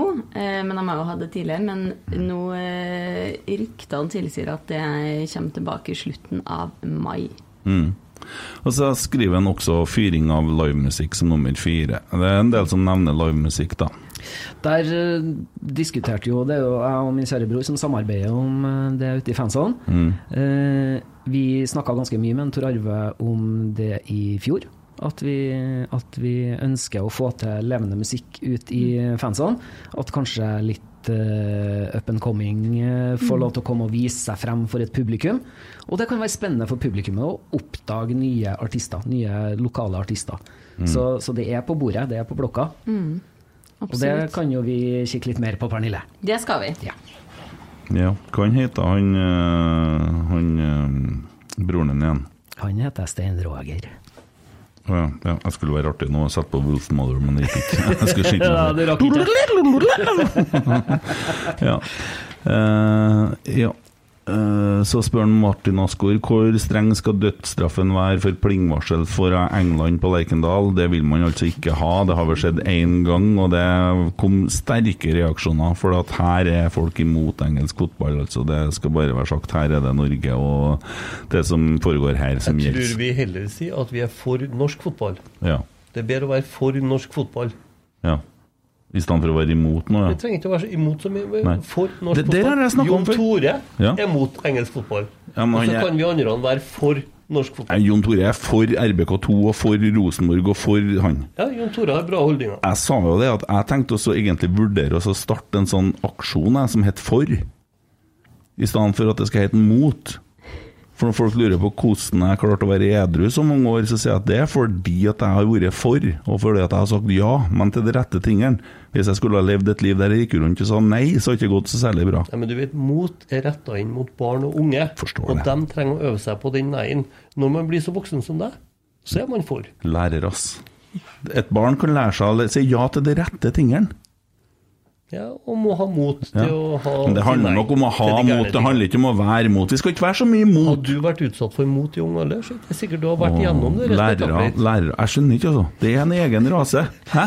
Men dere er jo egentlig enige. Jo, vi er det. Jeg syns dere er ganske søte der dere sitter. Robin spør om vi kan få sprøstekt løk til pølsene på kjernen. Det, det er viktig. Og så vil han Morten Røvik ha varme pølser òg, da. Oppå, eller attmed den sprøstekte løken. Fryktelig kravstor gjeng. Ja. Eh, og sånn eh, Det er mye kioskprat, altså. Hæ? Det er liksom hvordan skal vi få folk på kamp, få til en bedre kiosk? Men du, alle som har gått på Lerkendal de siste årene, har jo kommet, og så har de sett den varme pølsa som går til mannen foran, og så har det akkurat vært tomt for brød. Eller tomt for pøls. Altså, og det er jo noe med den rutina på dem som drifter, og det er jo stort sett ungdommer som står der. Så det er jo ikke klart at de tenker jo ikke like langt frem i alle sammenhenger. Så, men det er noe med rutine på kiosken som gjør at det er pølse, og at det er pølsebrød. For det er jo ikke en heksekunst. Altså Pølse og pølsebrød kan jo oppvares til evig tid omtrent med frysere, men så må det jo tas opp. Det har vært greit å bare snakke med dem om det, sånn at det der hadde blitt bedre. Kanskje det skal begynne å gjøres en sånn oppdatert status opp mot kioskene på at i dag så er det solgt 13 747 billetter. Ta opp pølse etter det. Ja, det må jo finnes noe sånn Jeg er spent sånn på hva det nøkkeltallet er. Hvis det er sånn Hvor mange pølser skal vi ta opp da? Mats Elven han spør også om sodd i kiosken. Det kommer igjen. Og så er det en som heter Jonas som sier så som sådd sodd sønn, så støttes den 100 Skal komme kjørende med palle sodd. Og så skriver han at det er en som skal stå for kokinga, og da begår han en kardinalfeil, og da blir det en lang greie under, da, med at man skal jo ikke koke det, og så går det til galt der. Så må man burde seg forbi. Eh, og så kommer det her ja, fra Jon Baarseth, som du har allerede snakka om, at man ønsker underholdning på torget dagen før kamp, og at man blir litt sånn gira på å dra, og sånn at datter, mor maser på mor, far om å få dra. Datter, sønn maser på mor og far om å få dra. Flagg på brua er greit nok, men det må mer til. Det må bli en happening å dra på kamp. Eh, Simon Aunan la lokale band få en scene før kamp, servere litt godt i glasset med litt køståing, åpne kulturlivet for folk og en god stemning før kamp. Og der er det jo masse folk som har lyst til å vise seg fram. Det blir nye settinger. Det blir ikke urørt. For Nei. det er jo tatt opp av P3. Det blir berørt. Ja, men, og jeg tenker da også, Og da tenker ikke jeg på sånne gamle kaller som meg, men det, det, nå er det så mye up and coming type annen musikk som blir laga, og produsenter som kommer opp. Jeg var jo med på et program i 2016 som heter Stream. Og der var det jo mange som var sånn helt annen art, type artister enn hva vi er. Som, som er sånn eh, Som produserer og som står bak et sånn eh, mikser og lager ting og sånn. Og det funker garantert på yngre folk, så det kan bli en arena for nyere musikk òg. Så Så kanskje så er Kultursenteret i byen, Isak, Ja, jeg er helt sikker på at dem hadde kunnet vært en partner i å øh, vært med på noe sånt. Og UKM. Uka. Jeg syns jo det altså Igjen, det, når jeg søkte på stillinga og hadde den casen som jeg skulle levere, så hadde jeg et konsept som var kalt Talenter fra Trøndelag. Som handler rett og slett om det å lage en arena der hvor om det er sangtalenter, artister, eh, eller om du er dritgod på å trikse med ball, eller det kan være Jeg tenker vi kan gå litt sånn bort fra det som er med ren fotball òg. Det kan være turnere som kommer og har show og aktiviserer ungene. Det og Der kan vi løfte fram ikke bare fra Trondheim, men Trøndelag generelt. Og da tiltrekke oss nye, nye potensielle supportere også, som kanskje ikke er så eh, ja, jevnlige besøkende på Lerkendal fra før. Men, men jeg, jeg kjenner midt oppi dette her som supporter, da, at vi må ikke gjøre kampen til en amerikansk showbiz. Det må ikke bli kommersielt. Det må ikke bli gjennomkommersielt. Altså det, det må være noe katedralsk over det å være på fotballkamp. Så det må ikke på en måte bli en form for Superbowl-tenking. For det, det tror jeg slår feil ut. Altså. Da, da får du vel egentlig fylt opp Lerkendal med folk som egentlig vil på konsert. Og jeg er ikke sikker på at det Altså, Vi må prøve å få tak i de folkene som vil på fotballkamp. Vil se Rosenborg, vil ha følelser, vil ha et fellesskap. Vil oppleve noen ting som er unikt. Sant? For det er noe helt annet å være på en fotballkamp enn å sitte og se på TV. Absolutt. TV har jo blitt, altså Fotballkamper går jo hele tida på TV-en. Mm. Det er jo derfor man trekker det der utafor selve eh, fotballarenaen. At det er på en måte det er et eget arrangement. Eh, For da blander ikke man det der like mye. Eh, Men Trenger er ikke ut på banen, nei. Nei. Absolutt ikke. Men, men utafor kjernen-tribunen, der skjer det ingenting. Der er det helt dødt. Nei, for det er oppe på Øvre Øst det skjer, vet du. Ja, men, men den opplevelsen hvis, hvis man driver en bedrift, så gjør man et førsteinntrykk med utstillingsvinduet sitt. Eh, hvis man skal tiltrekke seg flere til kjernetribunen, så burde man kanskje ha om det er bare et beachflagg eller to som står der, men noe som, som, som symboliserer at der er det hardcore supportere som, som beveger seg inn. Et eller annet som på en måte en portal inn i kjernenverden. Ikke bare ei dør. Ja. Vi, vi tar med alt, vet du. Sant? Vi har jo Lykkens portal, men jeg Ja, jeg, jeg skjønner hva du sier. Eh, jeg, men vi er enkle sjeler. Jo, jo, Jeg er ikke sikker på at det der blir en innertier hos oss. Men det ligger jo mye i dette her at jeg tror kjernen er veldig opptatt av å utvikle sitt eget konsept. Mm. Det er nok en gruppering som ikke er interessert i at andre skal tenke på hva vi skal gjøre, og så fortelle oss hva vi skal gjøre. For det er, det er nok ganske langt, kommer nok ganske langt innafra, det som bedrives av eh, supporterne. Og det betyr at ting som kommer innafra, det er det lett å få til. Ting som kommer utafra, blir veldig ofte fendra bort. Eh, men vi har snakka om altså For oss, f.eks., til den første kampen, så er puben viktig. Det at det er varmt på puben når vi kommer på søndagen, det har en Per lovt oss. Ja, Ja. det, det jeg hørte sagt, jeg. jeg har sagt jeg skulle på Obsbygg og kjøpe inn vifteovner. eh, For det har vi nå sagt, det kan jo vi alltids koste. Men Per har sagt det har vi. Vi Mm. skal varme opp. Han sa vel vi må leie den parafinovnen. Vi får gjøre en avtale på det, da. Eh, Og så, må det, det bli. og så må det være et sånt tilbud der som funker. Mm. nok folk til at de får tatt unna. Altså, det, det- det må være ålreit. Og så må vi få i gang det herre Nils Arne Memorial på skjerm, sånn at det blir det blir mer av det vi vil ha. Og så er vi veldig interessert i å samarbeide med Rosenborg for å utvikle den puben. For det skal være et samlingssted. Før kamp, og gjerne etter kamp. Det skal være et sted det er ålreit og fælt til. For dem som ikke vet det, hvor mange er det kapasitet oppi puben? 220 mener jeg det er kapasitet til. ja, det husker jeg når jeg var på dette en gang, så Nei, var det 240 er det. folk som ikke kom inn, i hvert fall. For det, og det er jo litt kult når det er sånn. Sånn må det være. Ja, det skal være litt eksklusivt. Du må være der tidlig nok til at du får plass. Så skriver en Magnus Storsve mulighet mulighet for pils under kamp, om ikke hele stadion, men i kjernen. Usikker på reglene, men jeg mener det åpner opp for det. Så svarer Trollunge rett før pandemien ble det åpna opp for å selge alkohol på stadion, men ikke inn på selve tribunen. Lignende regelverk som det har i England. Jeg vet ikke hvordan det er nå, men ellers på stadion, liksom. Jeg har ikke peiling, jeg. Nei, Rosenborg har jo mulighet til det, men eh, jeg tror nok Rosenborg har et forhold til familietribunen og har et forhold til Lerkendal og Scandic, som er egentlig den leverandøren. da. Eh, nå er vi jo heldige som har Prima som stiller opp når eh, Scandic ikke klarer å levere på det. Eh, men det tror jeg nok er noe man må ta opp internt om man ønsker å tilby, eventuelt hvor man ønsker å tilby. For jeg tror ikke at det skal flyte øl over hele Lerkendal. Det er helt enig med deg. Det skal jo være en arena der barn og unge skal føle seg trygge og ferdes uh, uten å være utsatt for uh, ja, fyll. Men samtidig så har vi sett så mye dårlig fotball på Lerkendal i mange år. Det må At gå an å drikke, surpumpene og surfisene fikk seg en øl før kamp, så kan det være det slo heldig ut. Ja, men det der jeg lurer på altså Nå er jo det her tidlig ut for min del og, og kan slå fast verken den ene eller andre, men jeg tenker jo at her kan det være muligheter å få både i pose og sekk. At det er områder som er tilrettelagt for barn, der hvor det er ingen alkoholservering, men at det er kanskje én tribune der hvor det er 18 års aldersgrense, der hvor det er ekstra vakthold. Kanskje man også kan ordne Altså er det en QR-kode på billetten din som gjør at du får kjøpt to enheter, og that's it?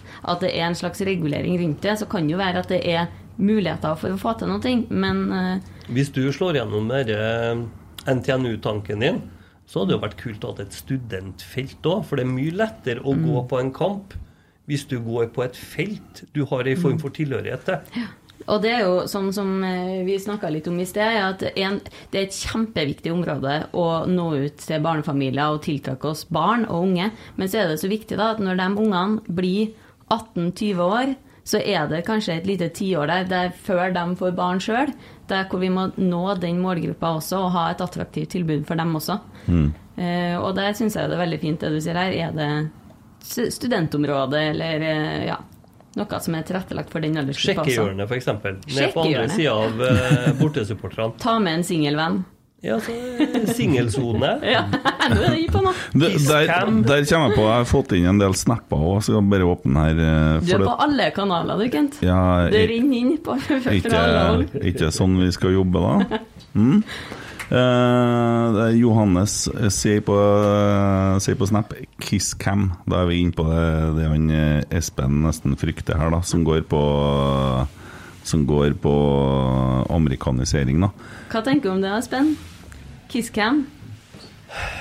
Eh, det må gjøres på en sjarmerende trøndersk måte. Ja. Eh, Kjøsscam? Ja, jeg vet ikke. Jeg tror ikke jeg har egentlig noe forhold til offentlig kyssing, annet enn at jeg ser Kom, at kom hit, veldig mange syns det er Veldig mange syns det er veldig morsomt. Ja. Jo, Du sa jo i sted at du var en klemmer. Vi kan jo ta det litt rolig med en klemcam i starten. ja. Eh, ja, det er jo fint! Det er jo litt mjukere. Eh, men det, det, grunnen til at For at jeg har snakka om det i en pod en gang. Grunnen til at jeg tenkte på det, det er fordi at unge folk lever jo i det selfiesamfunnet, ikke sant? Og de liker å se seg sjøl på skjerm. Og du ser jo hver gang kameraet kommer på noen på tribunen, så blir de litt glad når de ser seg sjøl på skjermen, og noen blir litt flau. Men hvis man da kommer med sånn type kisscam-greie sånn i pausen sånn, Klemcam. Klemcam, ja. Så kan det funke.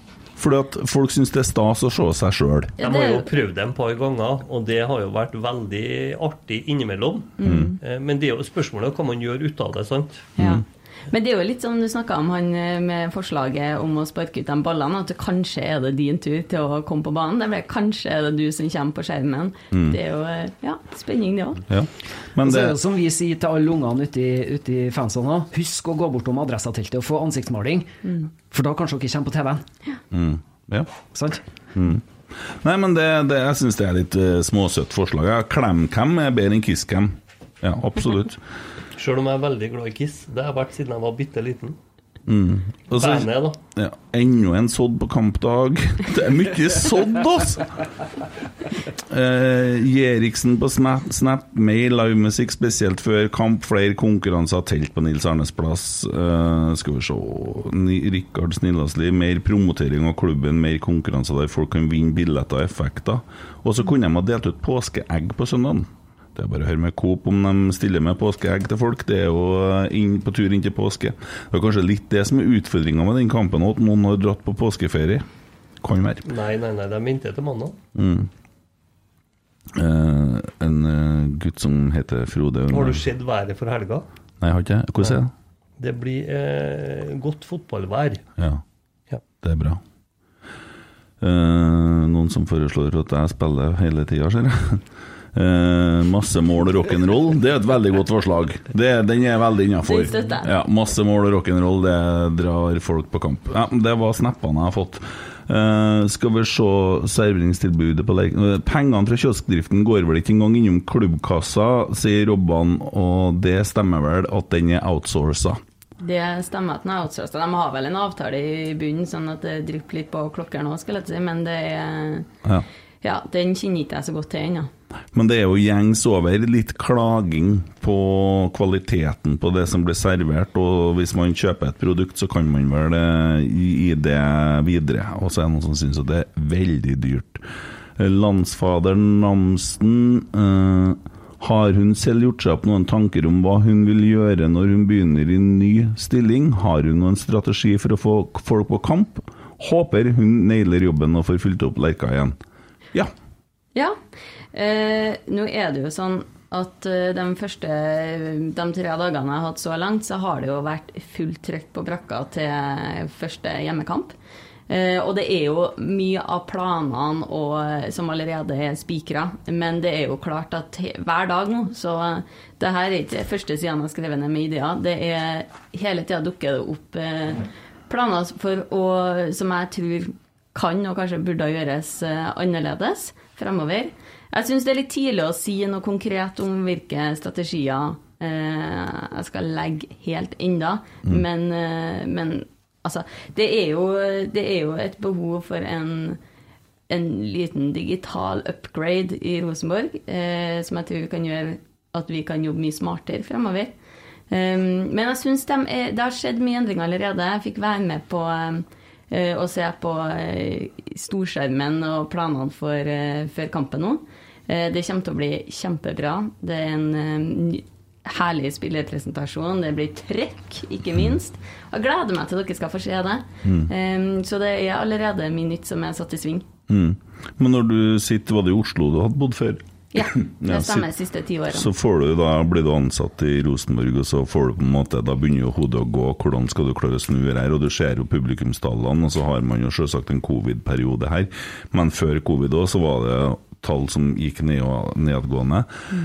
Så er det jo selvsagt, henger jo ting ofte sammen med sportslig suksess, og du kommer jo eh, tilbake til en by med voldsomt store krav, da. Og da har du sikkert noen tanker om hvordan du skal på en måte fornye noe. Ja. Det er jo øh, Sånn som jeg ser det Altså min jobb, som vi snakka om tidligere i, i episoden her, så, øh, så er det jo todelt. Min jobb, det som skjer på kampdag, men også alt som skjer utenfor kampdag. Og det er jo mange elementer som spiller inn der.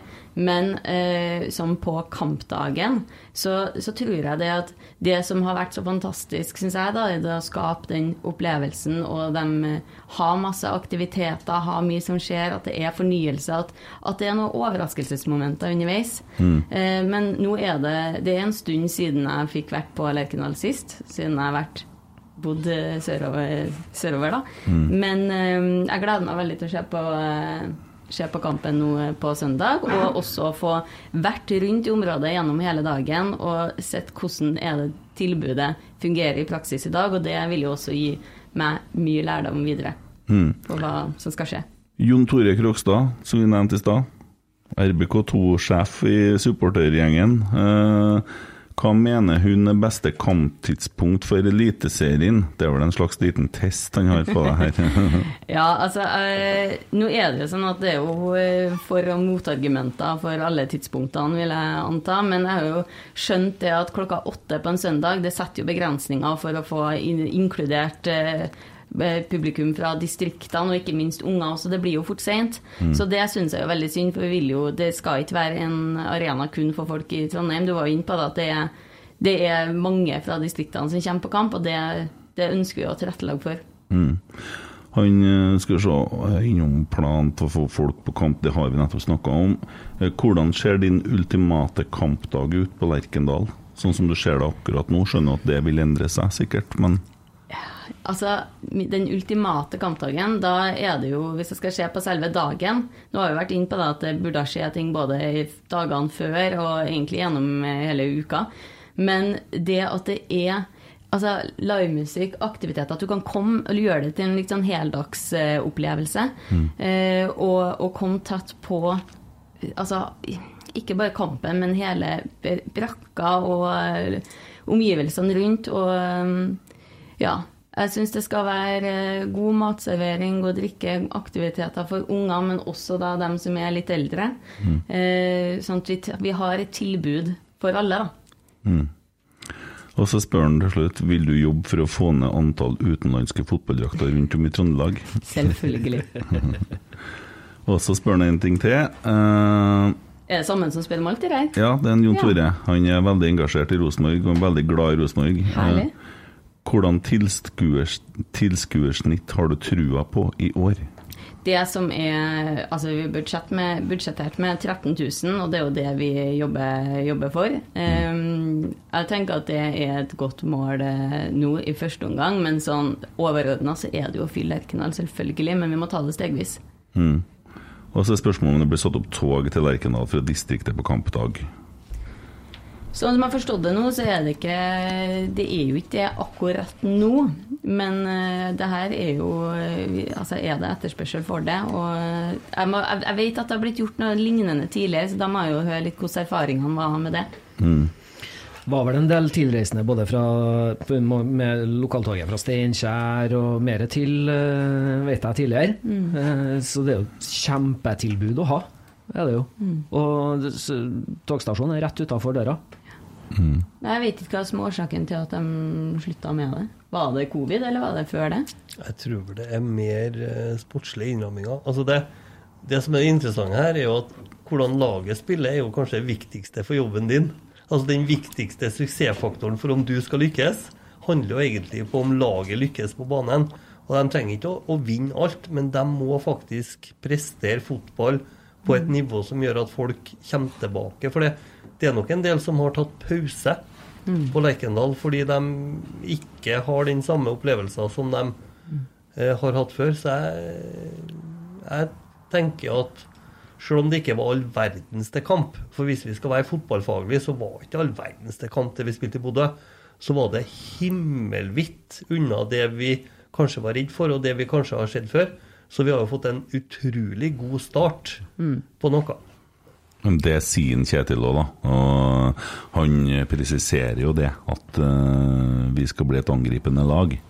Men sånn som ting er akkurat nå, så måtte det jo være sånn. Men blir du jo lei av jobben din, så kan du jo bare gå inn for å få ansatt Åge Hareide til å gjøre comeback, så skal du se at uh, tømmer du, da tømmer du. Men når du er inne med Kjetil der nå, så må jeg, jeg må bare skryte. eh, Før jeg kom hit i dag, nå, så, så rakk jeg jo å se den nye Innsiden-episoden. Mm. Uh, Medieavdelinga i Rosenborg, altså. Ja. Ja. Helt rått. Eh, kan jeg, altså På YouTube nå så har de hittil i år hatt 700 000 visninger. Det er ganske rått. Det er klart at de har lagt ut en sang der som Er det snikskryt igjen? kan vi skru ned, monitoren litt? Nei, men jeg syns det er så kult at de kommer med denne episoden, og så er det på en måte Du har hatt sånn Kai Bardal og sånn der ordentlig skikkelig slakt da, ute i verden, om, og, og det som går på det taktiske. Og så legger de ut 40 minutter med bare taktikk, liksom. Det, og det er så mye av det, og du får se alt, og du skjønner at det her er det faen meg plan bak absolutt alt som er. Og for et samhold! Hæ? Og det der 'stay in the boat' og 'i samme båt'-uttrykket som blir brukt mange ganger ja, det er, Jeg satt jo nesten med tårer i øynene når jeg så dette her nå, så det, det er helt nydelig. Kan ikke du skrive en sang om det, da, Kent? Jeg har, jeg har produsert en låt som heter 'I samme båt' for presten på Rørvik en gang. Jeg vet ikke om det blir helt rett, men uh, fin sang. Det er en helt annen båt, tror jeg. Ja, det handler om å være i samme båten, og ikke det er forlate båten. Det er en annen båt. Lærere, ass. Eh, Kan jeg for å dra frem en uh, mann som jeg har så stor respekt for, og som jeg har sånn sansen for ja, Få sette meg opp litt, eh, da. Jeg er klar. André Hansen. Ja. Sånn som han fremstår i den siste episoden av Innsiden. Når han står frem der, Mm. eh, forsikrer seg om at alle sammen har skjønt hva kampplanen er, Mm. og står frem på den måten han gjør. Ære være også for en fyr. Eh, han har jeg stor respekt for. Eh, fantastisk bra fyr. Og hørt på Rasmus og Saga i dag, og hyller dem òg, og innsatsen de legger ned nå. Starta den nye poden og peiser på. Eh, mer content, det er vi glad for. Edvard Tagseth og André Hansen er de to gjenværende fra 2019. Tenk på det. Det er galskap. Ja.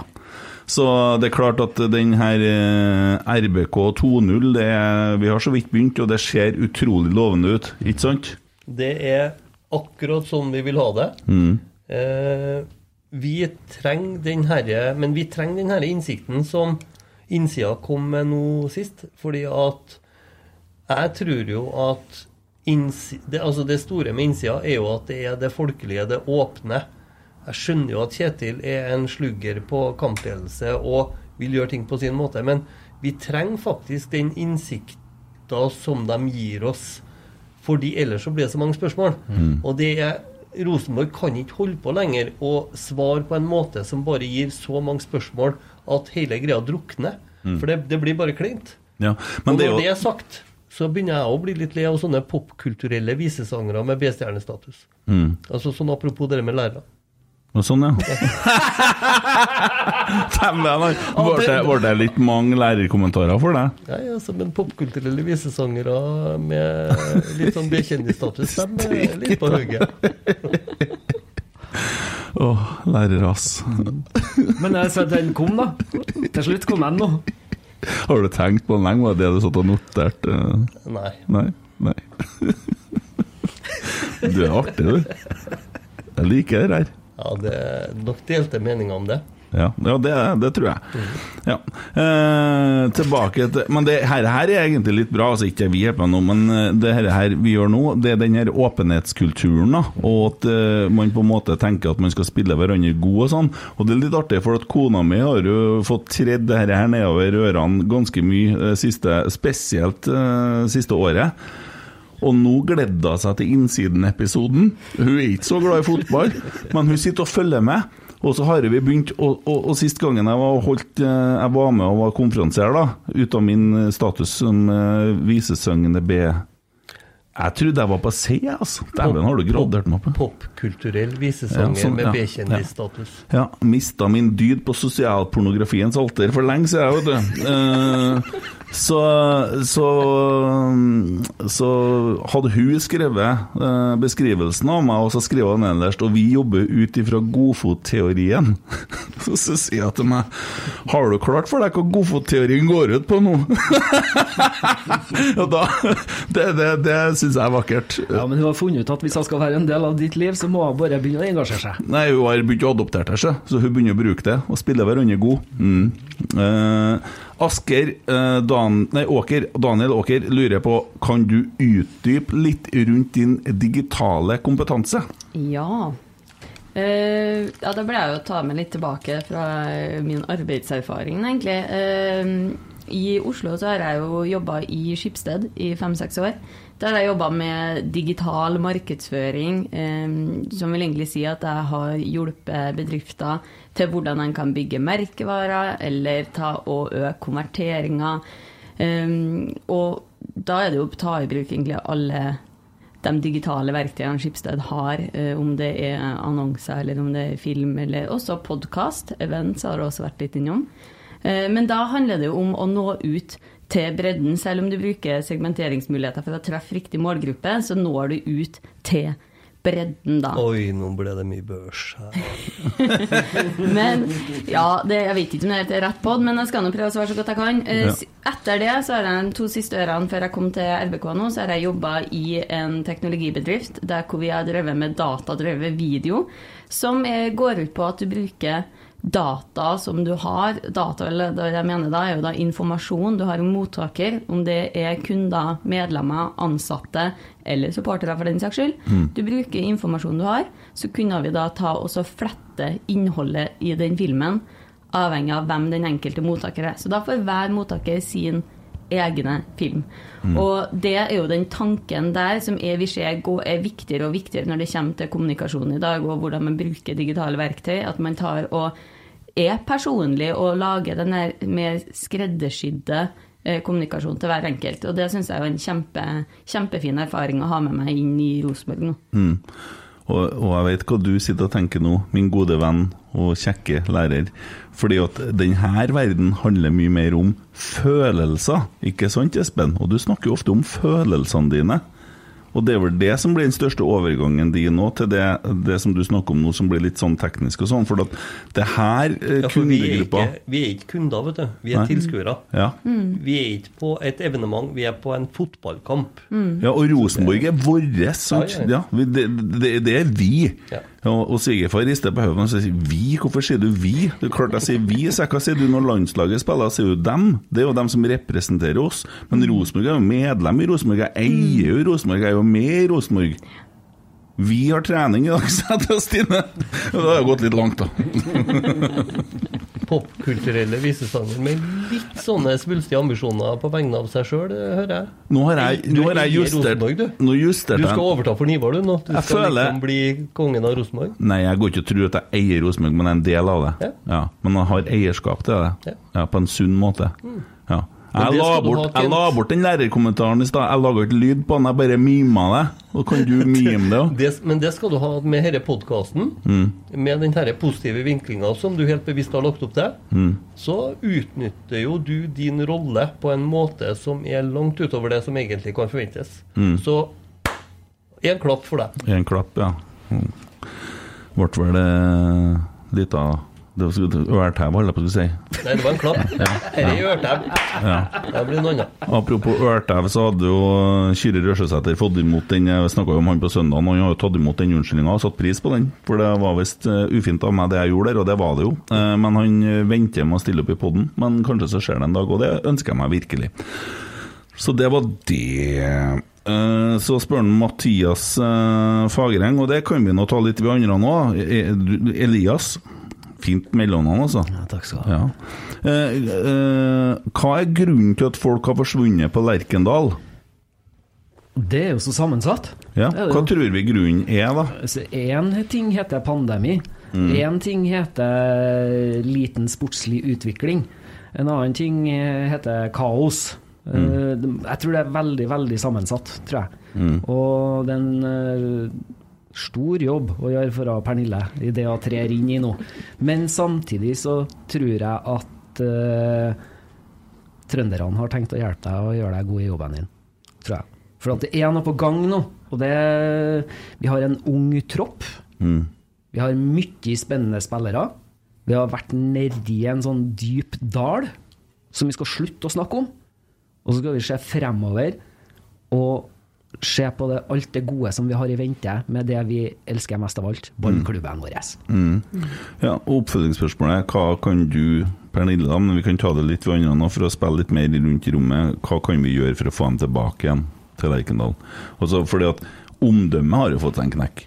Det, det er jo egentlig det du sier. På mange måter. Ja. Men jeg, Jeg tror, tror du, det er en av de tingene du ikke sa, som jeg tror har hatt en ganske stor innvirkning på oppmøtet på Lerkendal, det er den måten Kåre Erik ble sparka på. ja. Jeg kjente at etter at det der skjedde, altså sånn halvår år etterpå, så var Trøndelag egentlig delt i to. Det var dem som skjønte hvorfor Erik og Kåre fikk fyken og var enig i at styret gjorde det. Og så dem som egentlig ikke skjønte helt hvorfor de fikk fyken, og syntes at det skjedde på en måte som var helt hinsides. Altså, alle er jo enige at det var ikke en optimal måte det skjedde på, men det, det er jo egentlig så essensielle ting at den der hendelsen der, den tråkka litt ned i den etiske plattformen og satte et fotavtrykk som er langt ifra bort. ja, det kommer til å være et vedheng lenge Ok, nå. Men hva, hva ser du for deg at klubben skal gjøre for å så- Det avtrykket står der, og det er greit, og det må vi sannsynligvis leve med.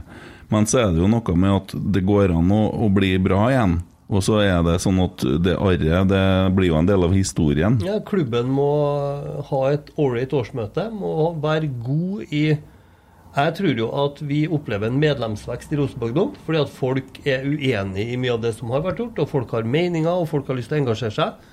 Og jeg synes jo det Altså, jeg jeg var på det forrige årsmøtet i Rosenborg, eh, der det var 600 mennesker cirka, for to år siden, da Ivar ble gjenvalgt etter eh, benkeforslag. Og jeg var jo ganske fornøyd med det. Så reiste jeg til Belgia på supporterårsmøte i denne europeiske foreninga. Og der traff jeg en italiener, og når han hørte vi var 600 på årsmøte, så bare flirte han og sa vi var 17 000. Og vi må jo heller dit at vi har årsmøter der det er 10 000. Eller 5000, eller 20 000. Det er jo dit vi må. Ja. Og da må vi òg som klubb tenke litt annerledes på hva er medlemmer. For at medlemmene fra gammelt av har vært veteraner, dem som på en måte eh, henger der hele tida. Det har vært en liten gjeng, ganske liten gjeng, som du egentlig kan forutsi litt hva mener. Og, og som står nå i sitt Men- avtrykk av Rosenborg. Men det nye Rosenborg kommer til å ha mange flere medlemmer. Og hvis vi skal klare å stå sammen bak Rosenborg, så må vi òg oppdra de medlemmene i de verdiene som Rosenborg har, i de holdningene, i hvorfor vi gjør ting. Og da må òg måten styret jobber på, måten administrasjonen jobber på, måten alle ansatte i Rosenborg på, måten spillerne fremstår på, må være i tråd med de verdiene. Altså, det, det er på en måte Rosenborg er en form for verdibasert klubb, som Nils Arne har laga en gang i tida, og det betyr mye. Og da må vi på en måte både hjelpe hverandre og huske på dem, men vi må etterleve dem. Og der må alle som er ansatt, gå foran med gode eksempler. Og den undersøkelsen fra Samfunnsforskning som en Sjeflo gjorde for noen år siden, som viser at alle i Rosenborg vet verdiene, og så etterlever man dem sånn halvveis, den er en indikasjon på at vi ikke er der ennå. Derfor så, Hva kan vi gjøre? Jo, vi må ansette et styre som blir mer usynlig, men som likevel gjør de gode valgene innenfor de verdiene Rosenborg står for. Og så er det en ting til, da. For det du snakker om nå, det er, det er medlemsmassen, og det er litt sånn årsmøteting og litt sånn, sant. Men så tenker jeg på det omdømmet som går utover det, til dem som sitter ute på Frøya, og som er glad i Rosenborg, og som blir forbanna når Kåre blir sparka, og som slutter å bry seg om Rosenborg, da. Der styrer Adressa og Nidaros og det her media ganske mye òg, og de har ikke vært spesielt greie med Rosenborg de siste årene. Og Men det hvorfor, hvorfor har de ikke vært det, da? fordi at de jakter hele tida negative saker, for de får negative klikk. Og så, Jeg snakka med Nidaros i går, og så Du skjønner jo hvorfor Otto Ulseth får uh, saker på trykk, men altså, han fikk en sak på trykk på søndagen som var negativ. Og det er ganske godt gjort etter den kampen. Det, det i seg sjøl er en prestasjon.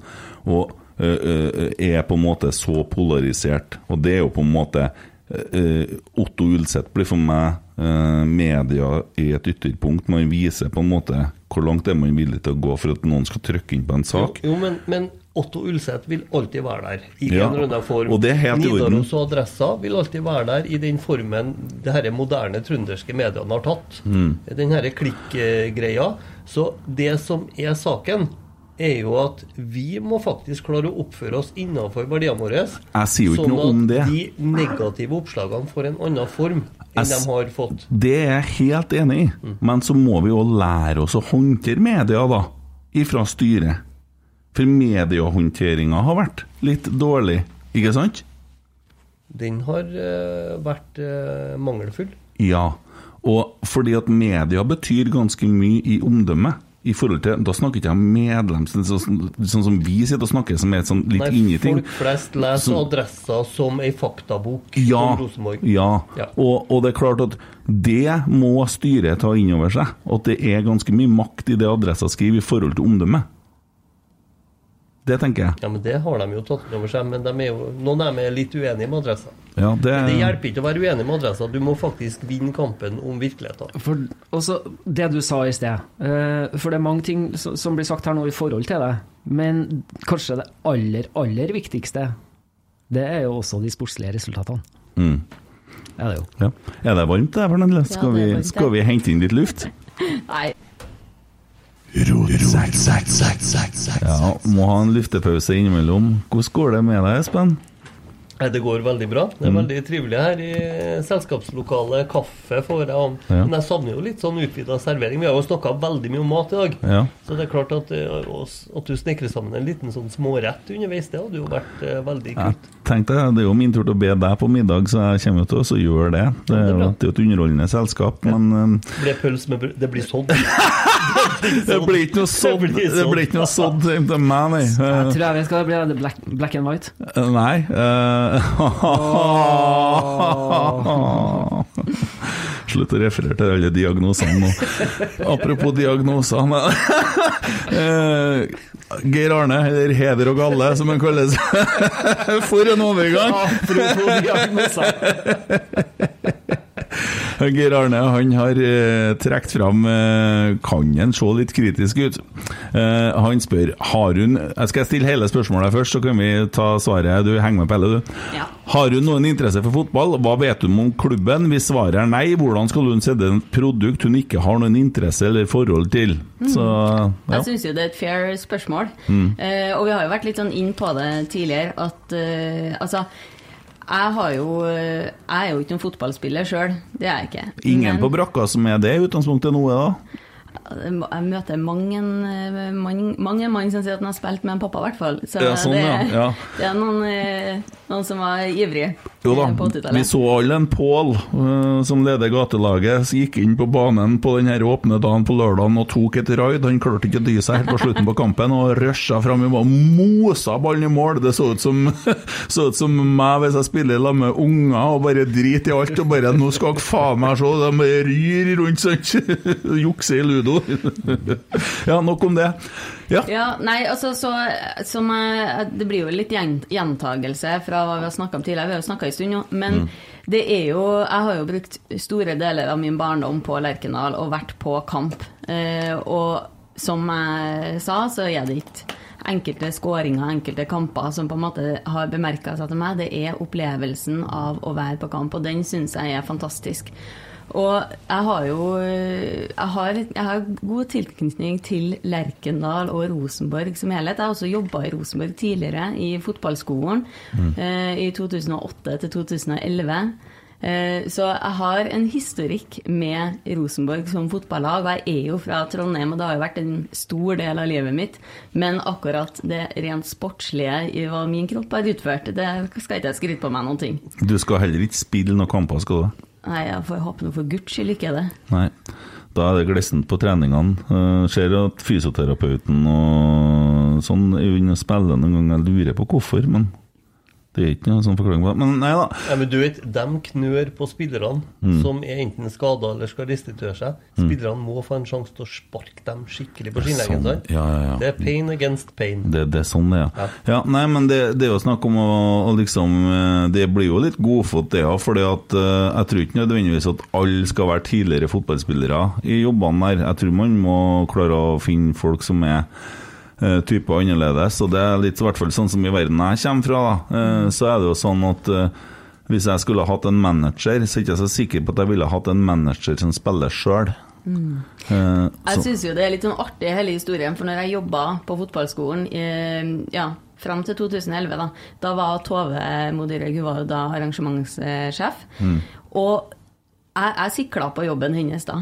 Og jeg tenkte, hvordan er det man kan få en sånn stilling? Og det var da jeg snoka meg frem til at i Lillehammer så hadde de et utdanningsløp som het kulturprosjektledelse. Så det gjorde at jeg flytta til Lillehammer og begynte å studere det. Eh, og så sa jeg faktisk også at hvis jeg skal flytte tilbake til Trondheim igjen, så er det for å jobbe på Rosenborg. Så jeg syns jo det er litt sjarmerende hele den historien at jeg sitter elleve år senere og faktisk har fått meg en jobb i, i Rosenborg. Det er vel ingen som håper du lykkes mer enn oss her. Nei, virkelig. Og artig å høre deg fortelle på den måten der. Eh, Det tror jeg gjør noe med alle Rosenborg-hjertene, mm. tror jeg. Det at de forstår at, eh, at eh, hjertet er ditt òg, selv om det kan være fullt av farger, så er det i bunn og grunn svart og hvitt. Mm. Her har jeg en artig en. Vetle Skatvoldsmyr. Dropp Ingebrigtsen og Flakne. Herregud. Jeg er 45 og jeg føler meg for ung for den musikken. Det er ikke sikkert klein, gammel trønderrock nødvendigvis i oppskrifta i 22, hvis du skal trekke publikum. Og så skriver han etterpå. Men Åge er greit. sånn at det han egentlig sier, er at må finne noe som passer musikksmaken hans, for så vidt jeg vet, så er Åge gamlere enn Ingebrigtsen Flakne. Ja, Men han leverer en musikkpreferanse. Det er en åpen Twitter. Dette er helt innafor. Ja, men det er litt morsomt. For at eh, det, han er jo gamlere, Eh, men eh, det, det går jo på smak. Jeg personlig synes jo Det har jo ingenting med at jeg har laga en Rosenborg-sang å gjøre, for det, det er ikke Men jeg mener de Rosenborg-sangene Jeg snakka med Philip og sånn òg. når de spiller kamper på stadion, de bør jo spille Rosenborg-sanger. Eh, Det finnes jo så innst inni granskauen mange Rosenborg-sanger. Jeg lurer på hvor lang den spillelista egentlig er, hvis en legger inn alle Rosenborg-sangene som er laga. Det er faen meg mange, altså. Det skal vi jo være stolt av. Han Jørgen Stenseth sendte meg en Spotify-liste. Med, jeg på Det var vel 58 Rosenborg-sanger. Ikke sant? Så det er god, god samling, det. Ja. Det er noe for andre klubber å tenke på det. Skal vi se Jeg skal ta og hoppe over det som uh, går eh, på ting som vi har vært igjennom. Uh, uh, mitt barn kom hjem fra barnehagen og hadde vært, hørt at Bjørnis skulle på åpen dag, og det var nok til at hun ville være med. Så Bjørnis er en slager. Det, det, må, det har vi tatt med oss. Skal, skal, vi, skal vi røpe det at uh, Bjørnis kommer tilbake i fansene en gang til i løpet av året? Ja, Det en, kan, kanskje så mye to også, så mye kan vi røpe. Ja. Ja. Én gang? Er ikke det litt lite? Hva skal, er så Så- Bjørnis er populær, han, Han er altså, så det må jeg si. Han er, han er vanskelig å få tak i. Jo, men jeg er voksen og skjønner at det ikke finnes på ordentlig, at det er bare en drakt. Finner- Har ikke de to drakter? Ah, Men det er hjemme- og bortedrakt, eller? Uh, skal vi se, Morten Røvik kan ønske seg pizzaslice med skinke og en god pepperoni. Det er igjen da mat det går på, og kaffe og vaffeldeal til god pris. Eh, og så kommer Marie her med hva med skolebesøk? Invitere skoleklasser til en dag på Lerkendal. Fint innspill. Eh, og så spør Martin Rosenborg, det er en hyggelig fyr. Uh, hva er hennes beste minne fra Lerkendal? Oh, Det, altså det blir jo igjen kasta tilbake. Eh, beste minnet mitt det må være når jeg fikk eh, bli med og, og sparke ball på en fullsatt eh, Lerkendal, altså. Det, var, det var en helt rå opplevelse som sitter igjen nå 11, nei, 12 år etter. Ja. Det syns jeg er et godt tegn at den beste opplevelsen til publikumssjefen er en publikumsopplevelse der hun var på banen. Ja, den er fin. Lovende. Ja. Eh, og Frank kan spørre har du møtt han Frank. Han eh, var enn meg, da, ser jeg. Eh, Han bruker fire ord på Har hun møtt han Frank? Fem ord for å få det til å handle om seg. Glimt av verden, for eller imot pyro? Nå må du svare rett, altså. Ja, men altså, det her har jo vi snakka sammen, eh, jeg Espen. Altså, jeg syns jo at det er med å sette stemninga for en, en Ja, når vi snakker om, om publikumsopplevelser og den stemninga det skaper. Eh, og jeg vet jo altså at Rosenborg er for pyro, men da i kontrollerte forhold. Det er det det handler om. Men eh, vi er vel Sånn som jeg forstår det, så er vi ganske enige der. Som Bodø sier, alle skal anmeldes. Ja, men du vet, det er ikke så rart at Bodø har havna der de har havna. For nå har de begynt å spille Europa, og da har de Uefa på det ene øret og ramma på det andre øret. Så Bodø blir litt tvunget, dem, til å være litt striktere enn hva de har vært før. Jeg tror de fleste som har vært i Bodø, opplever at det er noe helt annet nå. Og det er egentlig ikke fordi de har drukket for mye Møllers tran, eller altså De er rett og slett i en heftig påvirkning. Og så må de sjøl òg finne ut av hvordan de skal håndtere Uefa, for det, det tror ikke de er i mål med ennå. Jeg tror de flirer av Møllerstrand oppi der. Jeg tror de lager tran sjøl. De drikker pølsevann. Ja, det gjør de. Men Er det en SPO lager? ja, kanskje det. Han prøver å se ut som Tiger King, lot jeg meg fortelle der. Det var en Bodø-mann som fortalte meg. En Simen, faktisk, som fortalte meg. Så ja, ja, alle har sine forbilder. Eh, men eh, tenker på pyro, Espen. Har du noen tanker rundt hvordan det blir på Lerkendal nå på, på søndagen? Det har jo blitt renska under kjernen, men i forhold til uvøren, ukontrollert bruk osv. Nei, eh, det kommer helt an på hvem du spør. For spør du supportere om pyro, så sier de at hvis du ser på skadestatistikken for de siste ti årene for hele Norge, når du tenker på hvor mye pyro som har vært fyrt av, eh, så er det jo klart at eh, noen jakker har det blitt høl i. Eh, Noen har fått ei gnist på hånda. Altså, noen ting skjer. Eh, Men jeg opplever jo at når jeg lager mat, så skjærer jeg meg jo av og til, for jeg bruker jo noen skarpe kniver. Det, det er på en måte innafor det vi supportere regner som akseptabelt. da. Og så lenge det skjer på supporterområder, der alle er innforstått med at sånn er det, så er nok ikke vi så rigid på at dette her er så eh, altså, Vi har jo hatt noen dialoger med politiet også her i Trondheim, der vi har en feeling av at de regner pyro er omtrent på linje med narkotika. Altså det, det, det er så farlig og det er så skummelt at det må vi til livs, på en måte. Og da, da blir det en krasj som blir helt urimelig. For at jeg tror de fleste supporterne som har enten vært med å fyre sjøl, eller vært med der det har blitt fyra altså Noen syns jo det er ubehagelig med lyset, varmen, røyken og sånn, og det er jo helt greit. Men jeg tror de fleste ikke opplever det som det som en del prøver å gjøre det til. da. Altså gjør det til noe skummelt, gjør det til noe farlig, gjør det til noe, noe altså Det er på grensa til at det, det blir. Det, klart vi kjører bil. Jeg kjører bil hver dag. I dag har jeg kjørt i 90 km i timen med bil. Det er klart at det, det, det, er, en, det. er en risiko med å leve. Ja. Og du kjørte jo bil til Ranheim-kampen òg. Ja, Det trenger vi ikke å snakke om. Stoppa han brått han foran? Ja, han gjorde det. Ja. Men hva mener du, Espen, er det som skal til for at det her skal foregå i trygge rammer? Nei, jeg tror nok vi må luke ut litt av tullfyringa i fylla. Eh, For det tror jeg, hvis det er noe som skaper situasjoner som vi ikke på en måte kan stå litt inn for, så er det hvis folk som har for høy promille, eh, gjør det. Vi hadde jo en eller annen idiot som kasta tent pyro ut på Aspmyra når vi var der. Og det tenker jeg, det var, det var langt over streken. Eh, vi har jo en indrejustis som sier at sånn gjør vi ikke. Det er kjipt, og de skal ha ro. ta imot Ja. Roma på nå i uka på torsdag. Ja. Og det er klart at da trenger ikke vi å hive brennende pyro ut på matta, selv om, selv om det blir en flekk, selv om kanskje skaden ikke er uopprettelig, så er det helt unødvendig når det er betong rett på nedsida. Så det er jo en sånn idiotoppførsel som du får. Men ikke sant? Altså, vi hadde styremøte i dag i Kjernen, og vi diskuterte bl.a. Ja, hva hvis vi får en erstatning fra, fra Bodø-Glimt for at de vil ha igjen penger for det, de, det det koster å fikse og, og sånn.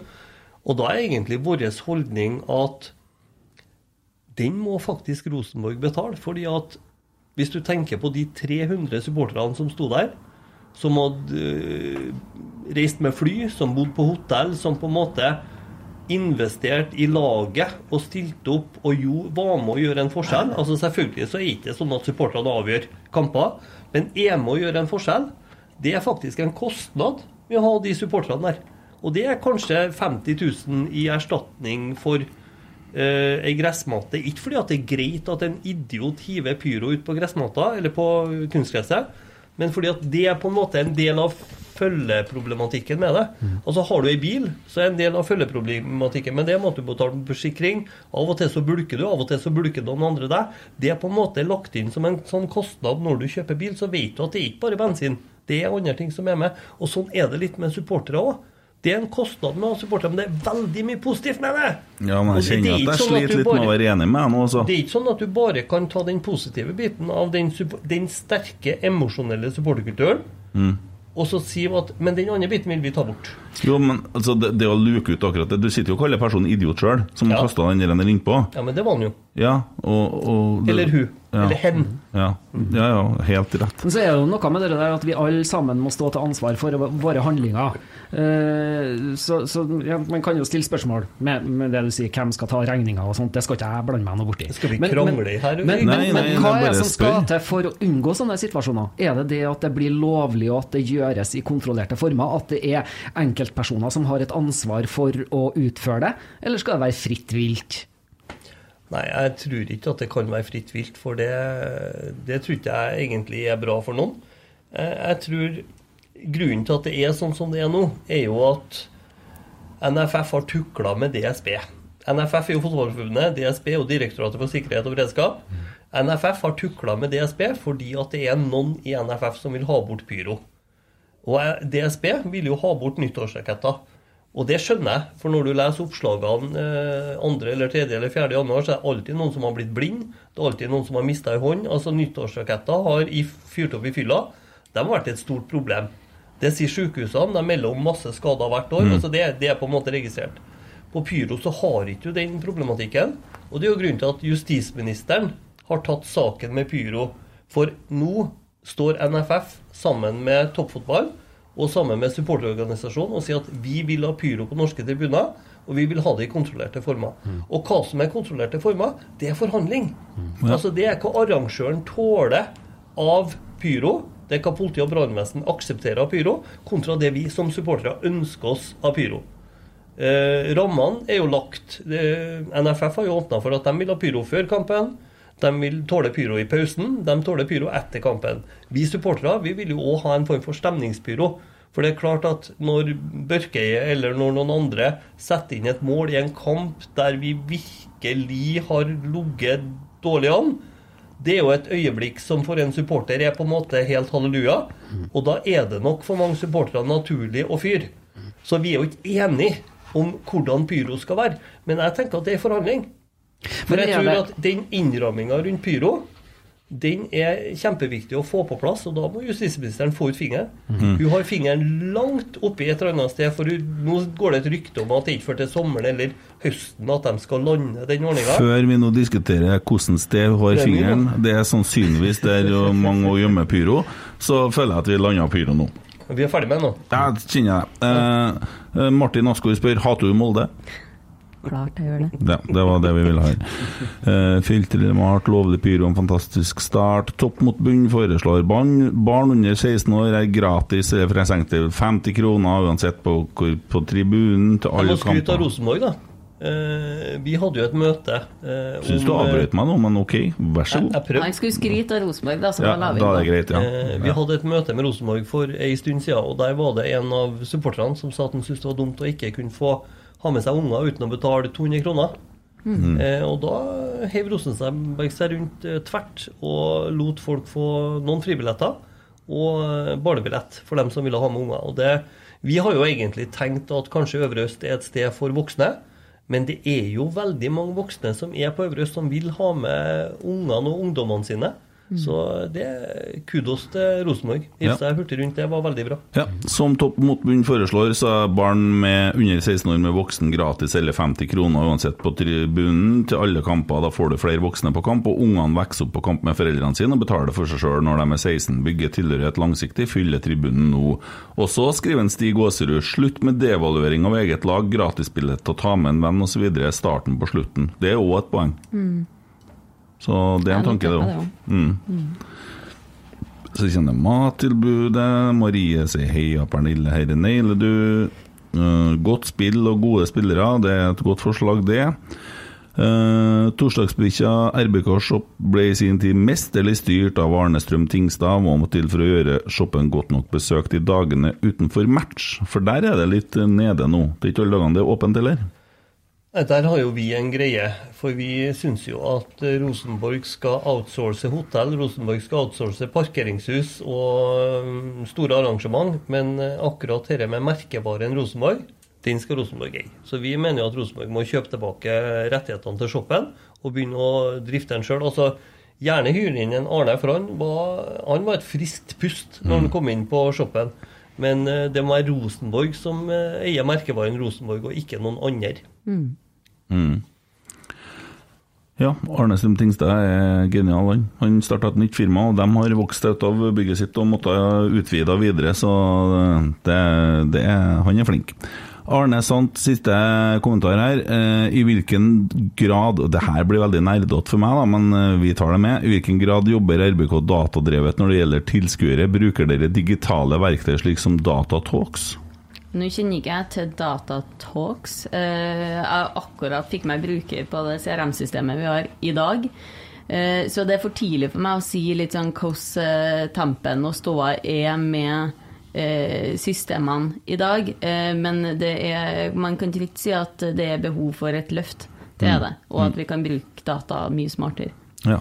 Og så sier han han syns det er dødt i pausen, det har jo gått igjen mange ganger. Slutt med Kahoot, det har jo gått igjen mange ganger. Eh, få på noe som girer opp publikum, og som løfter spillerne når de kommer ut fra garderoben.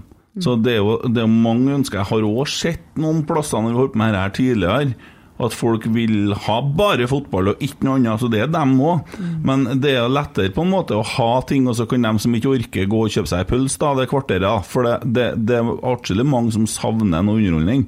Og dem som syns at det er slitsomt, dem, er, dem kan jo la være å få det med seg, mener jeg. Det er lettere det, den veien, enn å gjøre det andre veien. At dem som vil ha noe, må gå utom å få det. Altså, Misforstå meg rett. Jeg er jo for at det skal skje noe i pausen. Men jeg er veldig motstander av at vi skal kommersialisere eh, arrangementet på en måte å gjøre pausen til et høydepunkt. Altså det, det skal være bra pause, men det er en pause.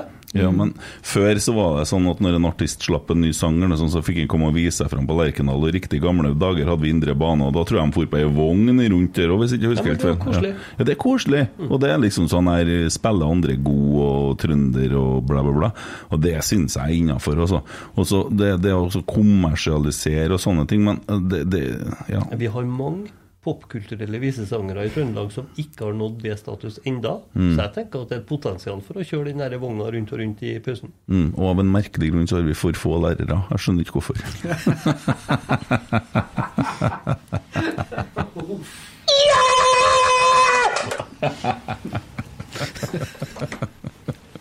ja, Nei, men eh, ellers, da? Hvordan går det med deg, Elias? Jeg syns jo det er betryggende å høre den kunnskapen som Pernille sitter på opp imot det spørsmålet som ble stilt i sted. Det med bruk av digitale verktøy og det å tilnærme seg enda mer det, eh, tror jeg vil være en viktig bit for Rosenborg. Eh, vi lever i 2022. Så, så det er betryggende å høre, syns jeg. Og at du kan tilføre Rosenborg noen ting i form av dine erfaringer og din kunnskap, kjempeviktig. Så blir det masse aktivitet på fanzone, og det vil skje ting der som blir god underholdning for unger og voksne. Og kanskje en eller annen gang et telt igjen der noen kan ta seg en pils før kamp òg. Mm. Vi har jo, vi har jo gleda oss til du kommer. For vi har jo tenkt å ha deg med på en workshop. Ja. For vi må jo òg gå en runde i oss sjøl. Altså når eh, spillere og klubb og styre og alle sammen skal gå runder med seg sjøl, så må jo også supportere gå runder med seg sjøl. Og vi har lyst, veldig lyst til å ha med deg på det, så det gleder vi oss til. Til Det vi finner jeg. et tidspunkt for å gjøre det. Og så har vi òg et eh, ønske om å få i gang Kjernen junior, så det gleder vi oss òg til å bli enige med deg om hvordan vi skal gjøre, og hvor de skal være, og hvordan vi skal arrangere det og få det til praktisk år. Vi kommer ikke til å klare å få det til til Odd-kampen. Eh, kanskje ikke til Molde-kampen, men vi må i løpet av våren 2022 få i gang Kjernen junior oppå, oppå tribunen her, sånn at vi får eh, engasjert litt yngre. For det tror jeg vil være et Det vil være en interessant sak for mange. Det er veldig nysgjerrig på. Sånn, eh, det, vi snakka faktisk om det på brakka tidligere i uka. Jeg føler jeg har vært der lenger enn tre dager, for det har skjedd så mye de tre dagene her.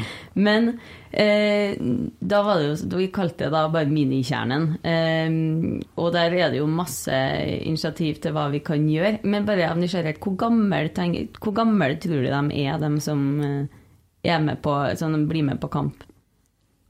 Hvor gamle de er, de som skal være med der. Hvor unge er de når de blir med på kjernen? da? For da tenker jeg at da står de jo med kjernen også. Nei, jeg tenker hvis man legger et sånn siktepunkt på 10-12, Ja. så får du med sikkert med noen seksåringer som er overvettes. Jeg har jo tre gutter, og da han yngsten var fem år, så var han med på Lekedal, for han hadde jo storebrødre som hadde lyst til å ferde. Det var tidlig, tidlig 70-tallet, det. Nei, og så var jeg litt bekymra. For om han kjeda seg. Ja. Og da snudde jeg meg til ham et stykke ut i omgangen og så sa Hei, Jon Petter, eh, hvordan går det? Hysj, pappa, jeg følger med på kampen. Så jeg var totalt uh, lite var bekymra for. Nei, så jeg tenker jo at uh, vi må få i gang dette her. Og så må vi underveis finne formen og fasongen, og egentlig uh, hvor vi treffer. Men jeg tror altså både som en del av rekrutteringa for oss, og som en del av eh, stadionopplevelser. Mm. Jeg, har jo vært, jeg var jo på Lerkendal og så RBK Stabæk for mange år siden. eh, Og den gikk under Skandia-cupen. Ja. Og da hadde Rosenborg fylt opp hele feltet inntil borte med unger fra Skandia-cupen. Eh, og det er helt vanvittig hvor bra liv og styr disse ungene lager. Og så var det jo noen av de Stabæk-supporterne som hadde terga på seg noen av ungene som satt i nærheten av gjerdet. sant? Så etter ei lita stund så var det sånn at hver gang Stabæk prøvde å dra i gang Stabæk! Så kom det fra hele den der gjengen mange hundre unger ved siden av Sug! Så i løpet av 10-15 minutter så var det slutt på Stabæk-synginga. Altså bortefeltet er dødd. Ja. Der eh, vet jeg at Rosenborg har litt å gå på overfor Scania-cupen, for der var det Kjenner han som eh, drifter Scania-cupen ganske godt, for å si det sånn. Og det var en ønska opp mot Rosenborg her for noen år siden, om å få noe goodwill i forhold til muligheter der, og det ble ikke. Det var ikke. Eh, nå tror jeg tiden er inne for å se den veien òg, og absolutt være med og bidra til å få Scania Cup-guttene og jentene på kamp. da. Det er et eh, lite tips her mot slutten. Ja, eh, det nærmer seg slutten her, og vi har en kamp imot Odd på søndag. Herregud, hvor jeg gleder meg! Det blir tøft. Årets første hjemmekamp! Ja. Altså, det blir helt vilt. Jeg snakka med en Kjetil i dag, som sagt, tidligere, og han flira litt. Og så sier han også Og så er det folk som går ut og tror at vi stiller i sånn der 5-3-2-formasjon eh, på, på søndag nå. Og da, da flirer han. Det, det var idioter, ja. så han har jo en eh, tydelig idé om hvordan ting skal foregå. Han har en tydelig plan på hvordan ting skal utvikles. Og det er jo veldig spennende å se nå framover, og hvordan eh, klubben står seg. Og nå peker jo pila rett vei, da. Virkelig. Eh, så skal vi liksom Hvor glad skal du være for ett poeng i Bodø? Ja, akkurat nå så er vi det. Eh, vi kunne fort ha hatt tre poeng i Bodø, eh, men så kom jo dem over 2-1 pga. ballwatching, vel å merke. Irriterende nok. Og når det da blir 2-2, så er det greit. Ja, Den dynamikken på Bodø-kampen var ganske rå. Så jeg tror eh, på de to målene våre så tror jeg jeg hadde en indre følelse som overgikk veldig mange tidligere opplevelser. Ja. Det var sterkt, rett og slett. Og han presiserte igjen det samme som han sa når han var på kjernen. Hvis du ser på det angrepet der, da det målet blir skåra, så er det sju stykker innom 16-meteren. Vi kommer massivt når vi kommer, og det er en tanke. Vi skal komme voldsomt når vi kommer i angrep, og det skjer fort. Og nå traff vi med mange flere pasninger, og ting var ganske mye enklere. Banen var større, og det er et- også et poeng. For det banen her på SalMar er mye, mye mindre enn Det er lettere å få til her på større bane, sant? Men så har du det, da, med at å gjenskape suksess, det er jo noe av det vanskeligste man gjør. Det har jo en gammel, klok mann sagt. Så det som blir spennende å se for Odd-kampen nå, blir om de klarer å nullstille, om de klarer å fortsette med det de gjør bra, og klarer i tillegg å bygge på noe. Men siden de har overbevist ganske heftig, så ligger egentlig Altså, det, det ligger ei vanvittig herlig spenning i hva får vi se på Ja. søndag. Ja. Og da er det litt som det der laksefiskegreiene som jeg av og til snakker om.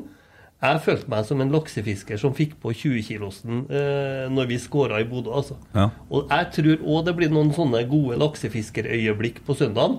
Så på søndagen må vi faktisk være på stadion. Og du skal vite det, at en Kjetil kom bort til meg og sa unnskyld først. Han kom og sa unnskyld for at det ble 2-2. Han sa til meg at jeg måtte legge sjampanjen på kjøl, og det var det første han begynte å snakke om. Og han beklaga det, eh, og han irriterer seg over at ikke vi skårer mål. Og vi sto og snakka så lenge at treninga rakk å begynne. Geir satte i gang, så sier han Oi, nei, nå skårer vi på trening òg, så han er ganske tydelig på Jeg tror ikke han opplever det der som noe sånn kjempesuksess, men at jeg tror man er letta i forhold til nivået. Fordi at med de treningskampene som vi har hatt, så kunne man jo begynne å tvile på nivået, men man har jo hatt trua på at det man har sett på trening, tilsier at vi har nivået inn, men så er det når vi holder nivået til Raufoss, Ranheim osv., og, så videre, og ikke bare det, men dem går ut og taper. Alle de vi har tapt imot tapt sine kamper! Sant? Haugesund og, og Brann slår Ranheim. Raufoss tapp. og så videre. Eh, så, så, så det er klart at man blir jo litt sånn Å, vi har nivået. Nå vet vi at vi har nivået. Og det, en, eh, det, det handler jo litt med å få videre den troa på det vi holder på med, da. Sjøltillit er bra. Mm. Og jeg, jeg må jo si en av de tingene jeg likte eh, altså Kjetil og en Geir og en Roar er jo alltid entusiastisk. Men når jeg snakka med en eh, Skarsheim på flyplassen på vei hjem, så sa jo han altså Han var jo ikke fornøyd med kampen, men det han sa, da, det at vi har begynt. Vi har akkurat begynt. Dette er noe de eh, er veldig investerer ganske heftig i, så det skal bli utrolig artig å være RBK-supporter fremover. Og så én ting til før vi er ferdig, og takke av Pernille, så du får dra hjem og legge deg og klar en ny arbeidsdag i morgen. Jeg spurte Kjetil eh, eller Vi kommenterte litt i forhold til innbyttere og sånn, og så spurte jeg litt om hvordan det er for en Adrian å stå å sitte på benken eh, når en Edvard har plassen og sånn. Sier han at det takler han veldig fint, og nå ser de jo hvilket nivå de må på for å få spille. Så jeg, men hen Ole Sæter, da, sa jeg. Hvordan blir det med han? Og for en mann, og hvor han har levert i media, og hvor mye godt han har gjort for klubben vår i, i, i denne presisen, med hvordan han omtaler at han heller vil sitte på benken i Rosenborg eller spille for noe annet lag. Ja, sa han. Og hva tror du den dagen du setter den inn på Lerkendal? Hva jubelbrus det blir? Det kan godt hende at det skjer på søndag, sånn. Dæven, hæ? Men jeg vil, jeg vil ta en oppfordring som du tok i sted, Espen. Ett hakk videre. For at veldig mange av dem som sitter og hører på dette her nå, de har billett til søndagen.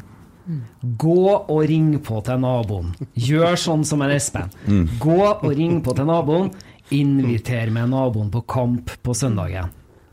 Kan ikke en av dere tullingene, nettrollungene, sette i gang en tråd nå og lage sånn Jeg har fått med meg den og den på kamp.